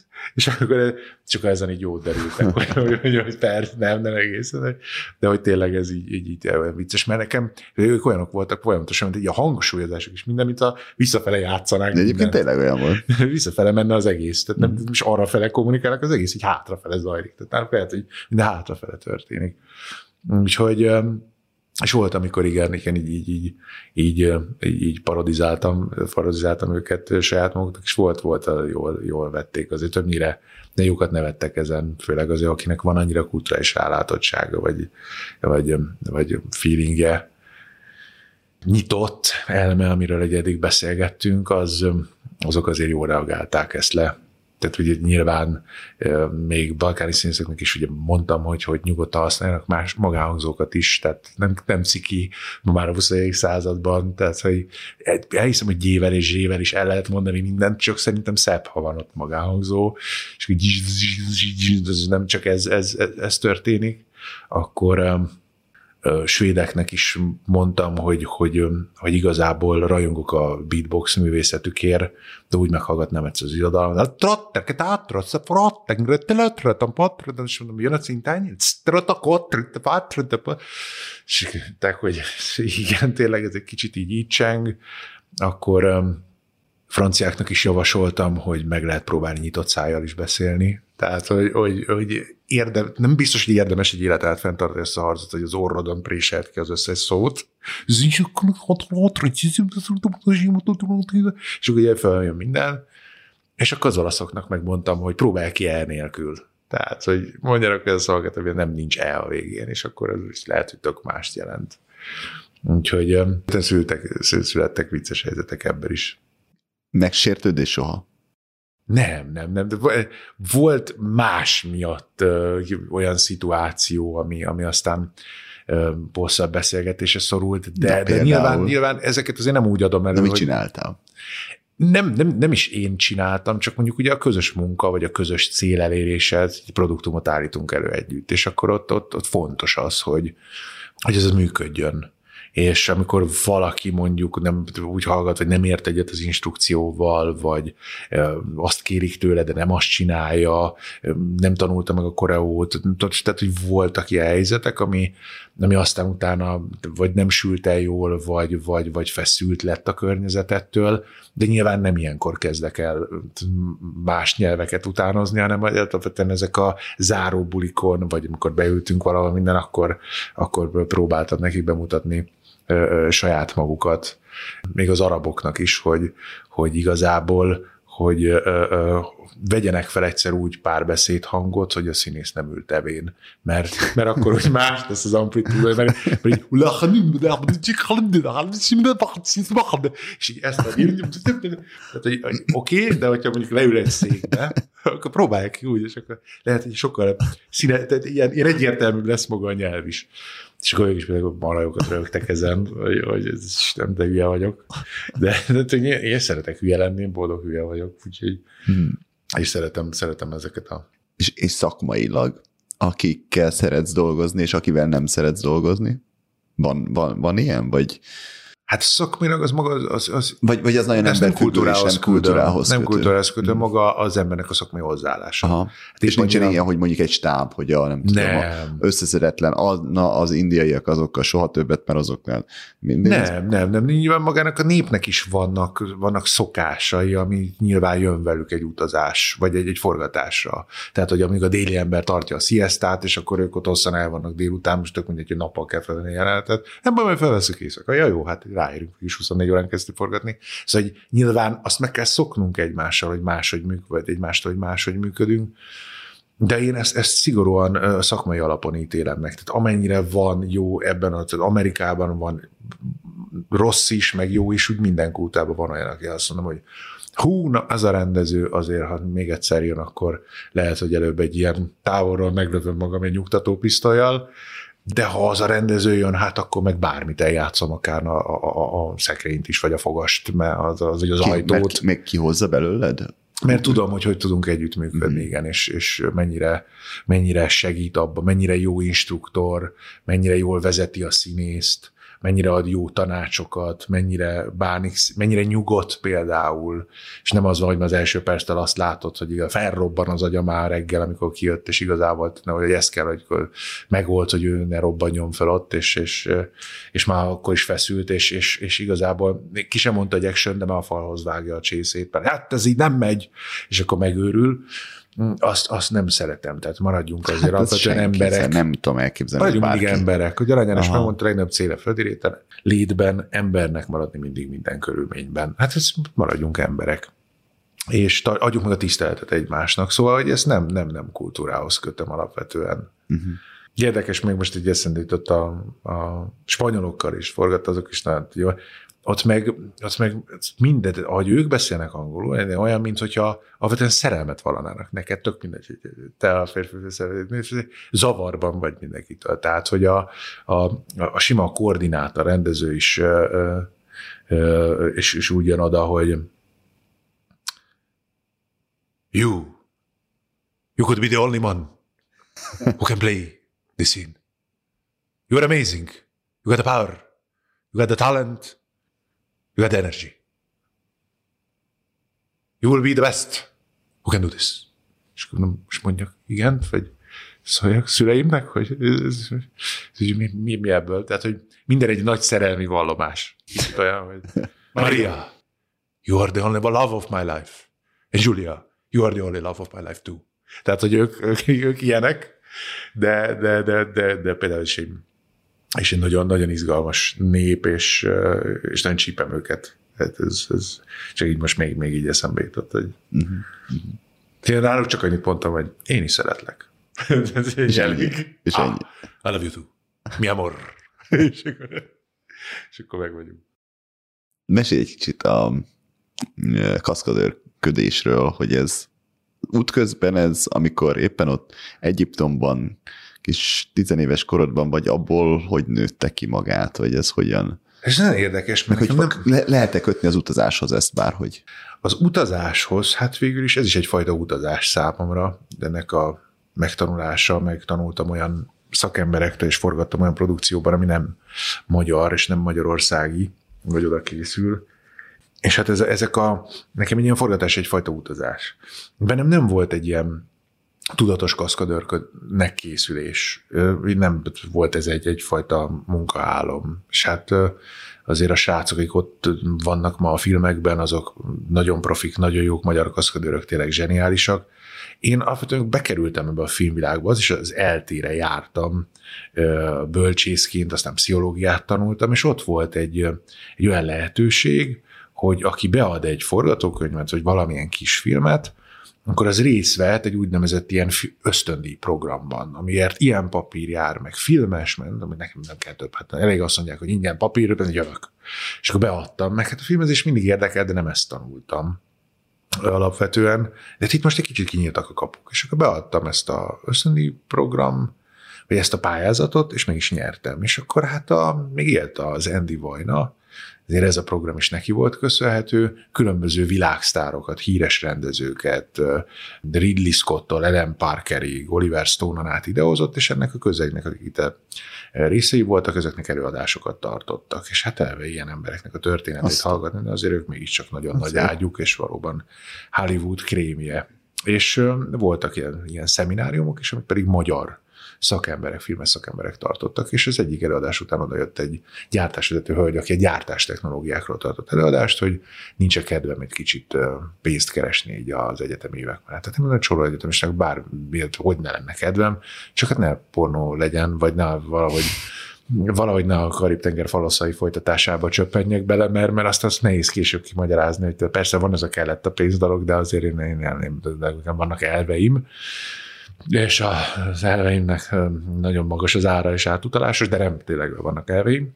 Mosolygott, hogy szó sincs erről, egy nyugati, most forog itt egy nyugati produkció, azt sem tudtam, hogy ilyen filmek vannak az országban, és forog itt egy nyugati produkció, és akkor egy hát ebben én nagyon illene a karakterem. Jó, de megadtam a címküld, értem autót. Fú, de nagyban vagyok, autó jön, értem.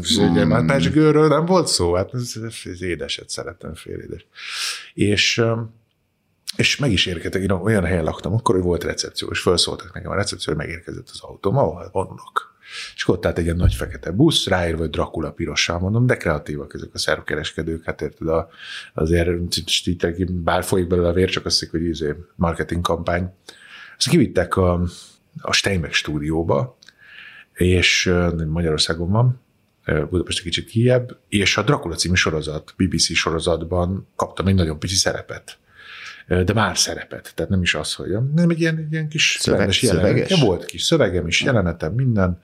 A főszereplő nő, aki a Drakulát alakító színész. Hát ugye a Drakulának a felesége, az elcsábít engem egy bában, mert ő hogy így akar revansot venni a férjén, és mondtam, hogy hú. És nyilván itt már mindenfajta, így nézek a nőre, így csinálják, úgy csinálják, hát össze is zavarodtam, más hogy mit csinálják és hova. De úgy, hogy nulla, előtte nulla, nulla filmes hát, tapasztalat. Ki filmes tapasztalat semmi. Szavaló versenyeket nyertem, meg, meg, meg drámak. De nem hallottad tőled egy mondatot sem még. Nem, nem, csak kellett ez a karakter, és megláttak a kép, és jó lesz ez. Majd, majd belerendezzük valahogy. És ez volt az első ilyen tapasztalatom, és utána beregisztráltak különböző ügynökségek is, és hívtak mindenhova. Na, és ez hogy sikerült? Ö, hát ez... megoldottam a feladatot, de azért... Megoldottam, megoldottam vagy, a feladatot. Vagy ő, ők a vágó, a rendező és a CGI technikusok együtt, de hogy inkább megoldása volt a felett. Nyilván azt se tudtam még, hogy mi, hogy kell, hogy valóban... De, de, de tetszett. De hát nyilván tetszett. A körítés, vagy, vagy amit csináltál? Tehát, hogy a, a fekete autó jöttek értem, ezt tetszett? Az annyira nem érdekelt. Igazából az a millió, ez a feeling, hogy megérkeztem a díszletbe, és az egész egy mesevilág. És hogy igazából talán jó színész is attól vagy, hogy mersz teret adni ebben a világban lezajlódó érzelmeidnek, és mersz őszintén, tisztán ebbe jelen lenni. De hát akkor még, még nagyon ifjú voltam, mert nem álltam erre úgy készen. Nagyon jó antré volt, mert rögtön belezúgtam ebbe, és hogy hát én ezt akarom vagy ez, ez, ez egy csodálatos dolog, és beregisztráltak különböző ügynökségek, vittek, hívtak mindenfajta produkcióba, és egyszer az egyik ilyen ö, nem is egy, az Emerald City-be, aztán Jamestownban is odajött a koordinátor hozzám, és azt mondta, hogy hogy meg kellett csinálni valami, szóval ki kellett esni az ajtón egy kocsmai verekedésnél, minden, és akkor kérdeztem, hogy sportolsz, úgy, úgy, úgy, úgy, legalábbis innen úgy tűnik. Hát mondom, igen, volt az életemben sokfajta sport, ők közt a feladatot rám bízná. Jó. Hát megcsináltam némi sérülésekkel, utána ilyen, ilyen több más, más produkcióba is így vagy a produkció maga, vagy, vagy így egy koordinátoron keresztül kerültem, ahol, ahol ilyen feladatot kaptam, és hát a legjobb tudomásom szerint megcsináltam. Valóban varázslatos világ, volt, ami még különböző edzéseken is Piro Gábornál is, meg, meg, meg, meg külföldi, külföldiek edzésén is, és, és végül is ez, ez egy ilyen hozadéka a filmes utazásomnak, inkább azt mondanám, és ma már inkább színészként apostrofálnak a produkciók, mm-hmm. hiszen már nem nagyon van ilyen feladatom, vagy a feladat körömben is benne van. Most legutóbb egy, egy, egy sorozat tokban vagy filmekben, amiben voltam, ilyen feladatom is volt nem egyszer, hogy nyilván ezt a tudást ezt kamatoztassam, de hogy hát ezen túl van a játék, és, és, és elsősorban már, már most már ezekre, ezekre castingolnak be, és ez a, az elsődleges feladatom. Úgyhogy ennyi a uh-huh. története ennek. Uh-huh. Na nézzük meg a listádat, hogy mi, mi, miket írtál még össze a, a, Na, az élmények. Krumpli, nem, ja, ez nem az, az Ne a bevásárlásosat nézed. Igazából azt mondhatom, hogy, hogy ez egy nagyon jó és nagyon hangulatos, sok történetet átívelő beszélgetés volt. Persze beszélgethetnénk itt, és nagyon szívesen beszélgetek itt akár holnap reggelig is, és még kitöltünk egy-két italt, és, és aztán, aztán, aztán még el is utazunk a végén, de úgy így, így nagy hirtelen ezek, ezek az élmények azok, amik eszembe Meséltél, jutottak. telefonon nekem meséltél egy um, buvárkodásosat, nem emlékszem, kon, kon, talán Afrikához, buvárkodáshoz, valami ilyesmihez kapcsolódik. Ifjú koromban csináltam meg a, a búvárvizsgát, igen, és akkor ott nem egyszer volt. Először snorkeltem, pipa búvárkodás, és hát amennyire lehetett a tüdőmet ki is tágítottam, elég jól bírtam a víz alatt. Mai napig több percen keresztül tudok a, a víz alatt lenni, és, és hát a, azért az ember, főleg az én generációm látta, meg, meg szerintem egy, megint csak kultikus alkotás a Cápa című film, úgyhogy az óceán tenger az emberek mindig ez jut eszébe, hogy hú, egy nagy árnyék, az ott a cápa. Teljesen lehet német turista is, de, lehet, de látom az uszonyát, meg fog enni, nem érdekel. És volt, amikor egy ilyen buvárkodás során annyira el voltam a látványjal, mert nagyon, hogy oldalra fordultam, akkor láttam, hogy az valóban egy cápa somfordál felém.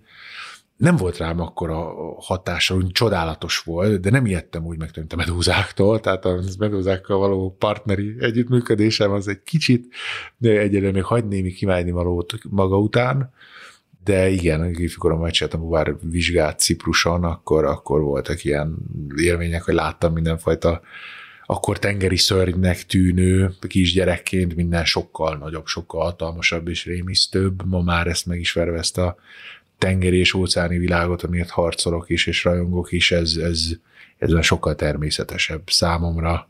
Nem, nincs, nincs benne ez a, ez a, ez a, ez a félsz, hogy fú, ott az a sötét árnyék, de mély a víz, mi lehet ott? Azt ugye följön értem Cthulhu és Bill Lovecraft regényéből, és magával ránt, igazából, és, és ez, ez a búvárkodás. Aztán szörföztem, végbordoztam, tehát minden vizes sport, az én nagyon szeretem a vizet, tehát vízhez ilyen különleges kapcsolatom fűződik, mert, mert az egyik egyébként halálközeli élményem is, is vízhez köthető.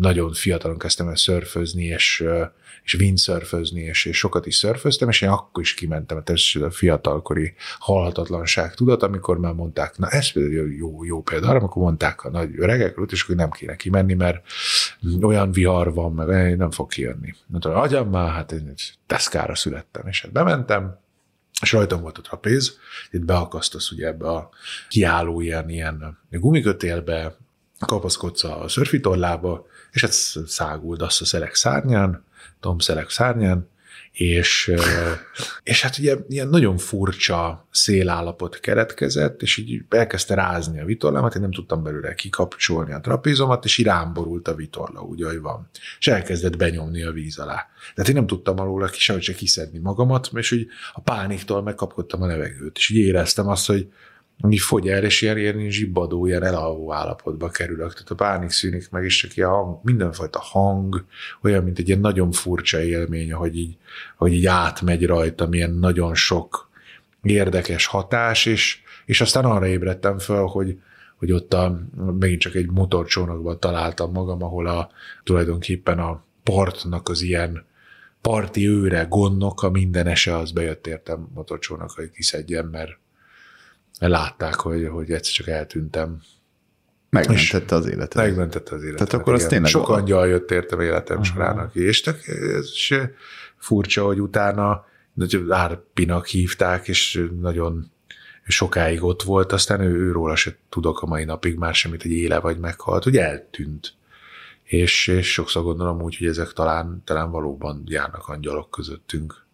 És ha, ha az ember észreveszi őket, akkor őt is észreveszik. Úgyhogy ez egy ilyen, de, de a mai napig, és nincs, nincs bennem félsz a vízzel mm. kapcsolatban. Tehát nincs, nincs, nincs az a rémület ezek után sem. Tehát valamiért nagyon, nagyon kötődöm, és ha egyébben nem megyek vízpartra, akkor én szabályosan depressziós vagyok. De ilyen, azt érzem, hogy valamiért valami furcsa hiányzik. Mm. Tehát, mint egy, egy természetes közegem lenne. És hogy, hogy, ilyen sok mindent ki tudtál próbálni? Ez csak kíváncsiság, mert hogy bármilyen sport szóba került, hogy sielsz, hogy vizes sportok, hogy lovagol, tehát hogy nagyon nehéz lenne, mondtad a gördeszkát, a nem, tehát hogy annyi minden jó dolog van ebben az életben, és annyira rövid az ember, azért ezeket főleg amennyire teheti, próbálja ki, és, és, mm-hmm. és azért ezeket ki lehet próbálni. Tehát nem azt mondtam, hogy nem voltam de gondolom, versenyző. te nem csak kitaláltad, tehát hogy azért te eljutottál valamilyen szintre Eljutottam, is, nem? de nem, nem, nem, voltam versenyző, vagy nem az volt, mm-hmm. hogy bepattyogtam a boltba, és kérem a, a snowboardot, vagy azt a deszkát, ami gyémántokkal van kirakva, mely úgy fog hasítani, hanem ahol lehetett béreltem, kölcsön kaptam, nyilván úgy találkoztam magával az élménnyel, hogy valaki mutatta, hogy valakinél láttam, a segített megtanítani, kivá- vagy megtanulni, kíváncsi voltam, hogy hogy működik, beletanulhattam, volt, ami nem kísért végig egy életen keresztül, csak egy ideig, óráig volt az életem része, mert kipróbáltam, vagy, vagy nem rántott magával, vagy másra fordítottam az energiáimat, úgy gondolom, hogy főleg a fiatalkor, a gyerekkor, az ifjúkor az ilyen típusú próbákra és kipróbálásokról kell, hogy szóljon. Hogy amit lehet ilyen inputot, élményt, izgalmat, kíváncsiságot kielégíteni, megkapni, megszerezni, az szerintem feladata ennek az időszaknak. Az egyértelmű. Az egyértelmű. Nagy vágyat, hogy hova, mi az, ami még így kimaradt? Utazásban? Ah, igen. Valóban egy nem is tudom, egy telefonmemória kevés lenne hozzá, de hogy itt kigördíteném a út végéig a listát, hogy még mennyi minden, hány helyre szeretnék eljutni, és nyilván egy de utazási helyek, élmény. De ezek neked helyek konkrétan? Egy utazási vagy? élmény, az ad is egy újfajta utazási kíváncsiságot, és hogy ja, itt vagyok, de megnézném azt is, mert de bejárnám ezt is. De én azt mondom, hogy korom ellenére, vagy, vagy tehát, hogy, hogy, hogy annyira sok jó utazási élményem volt, és sokat utazhattam, nem érzem, hogy kimaradt volna.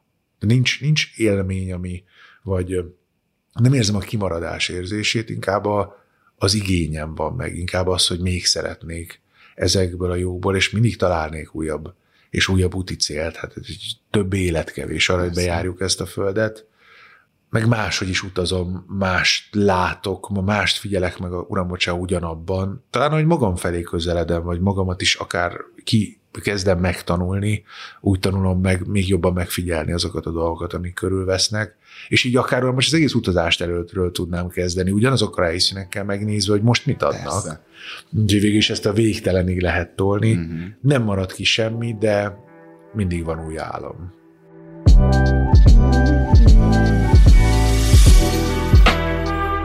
Ha tetszett, amit hallottál, ne tartsd magadban, és hozd meg minél több barátoddal, ismerősöddel.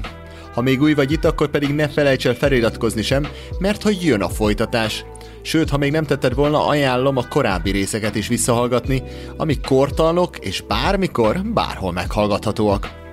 Ha az utazási podcast értéket teremt számodra és lehetőséged van rá, kérlek támogass munkámat egy jelképes havi összeggel Patreonon keresztül.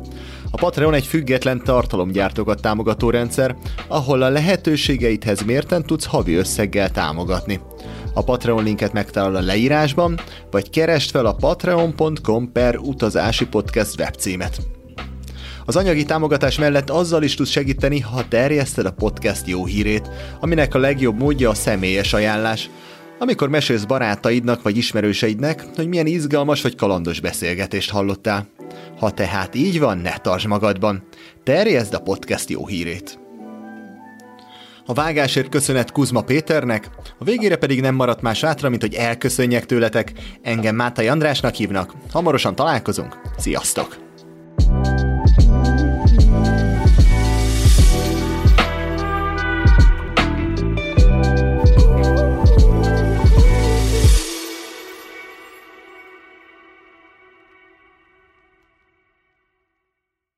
Ha más podcastekre is kíváncsi vagy, hallgassd meg a Béton műsor ajánlóját. El tudod képzelni, hogy a podcastet, amit éppen most hallgattál, fél év múlva már a mesterséges intelligencia generálja? Mi sem. De ha érdekel, eljött már a gépek lázadása. Hallgass bele az Embertelen podcastbe. Orsós Lajos vagyok, a műsor házigazdája. Egyelőre még élőben. Egyelőre. Fedezzük fel együtt, hogyan ismerkedik, randizik, mesél és vitatkozik Betty és Péter, két teljesen mesterséges intelligencia. Lajos, a podcast címét mond még egyszer, Léci. Oké. Okay. Embertelen podcast. Ez a műsor a Béton közösség tagja.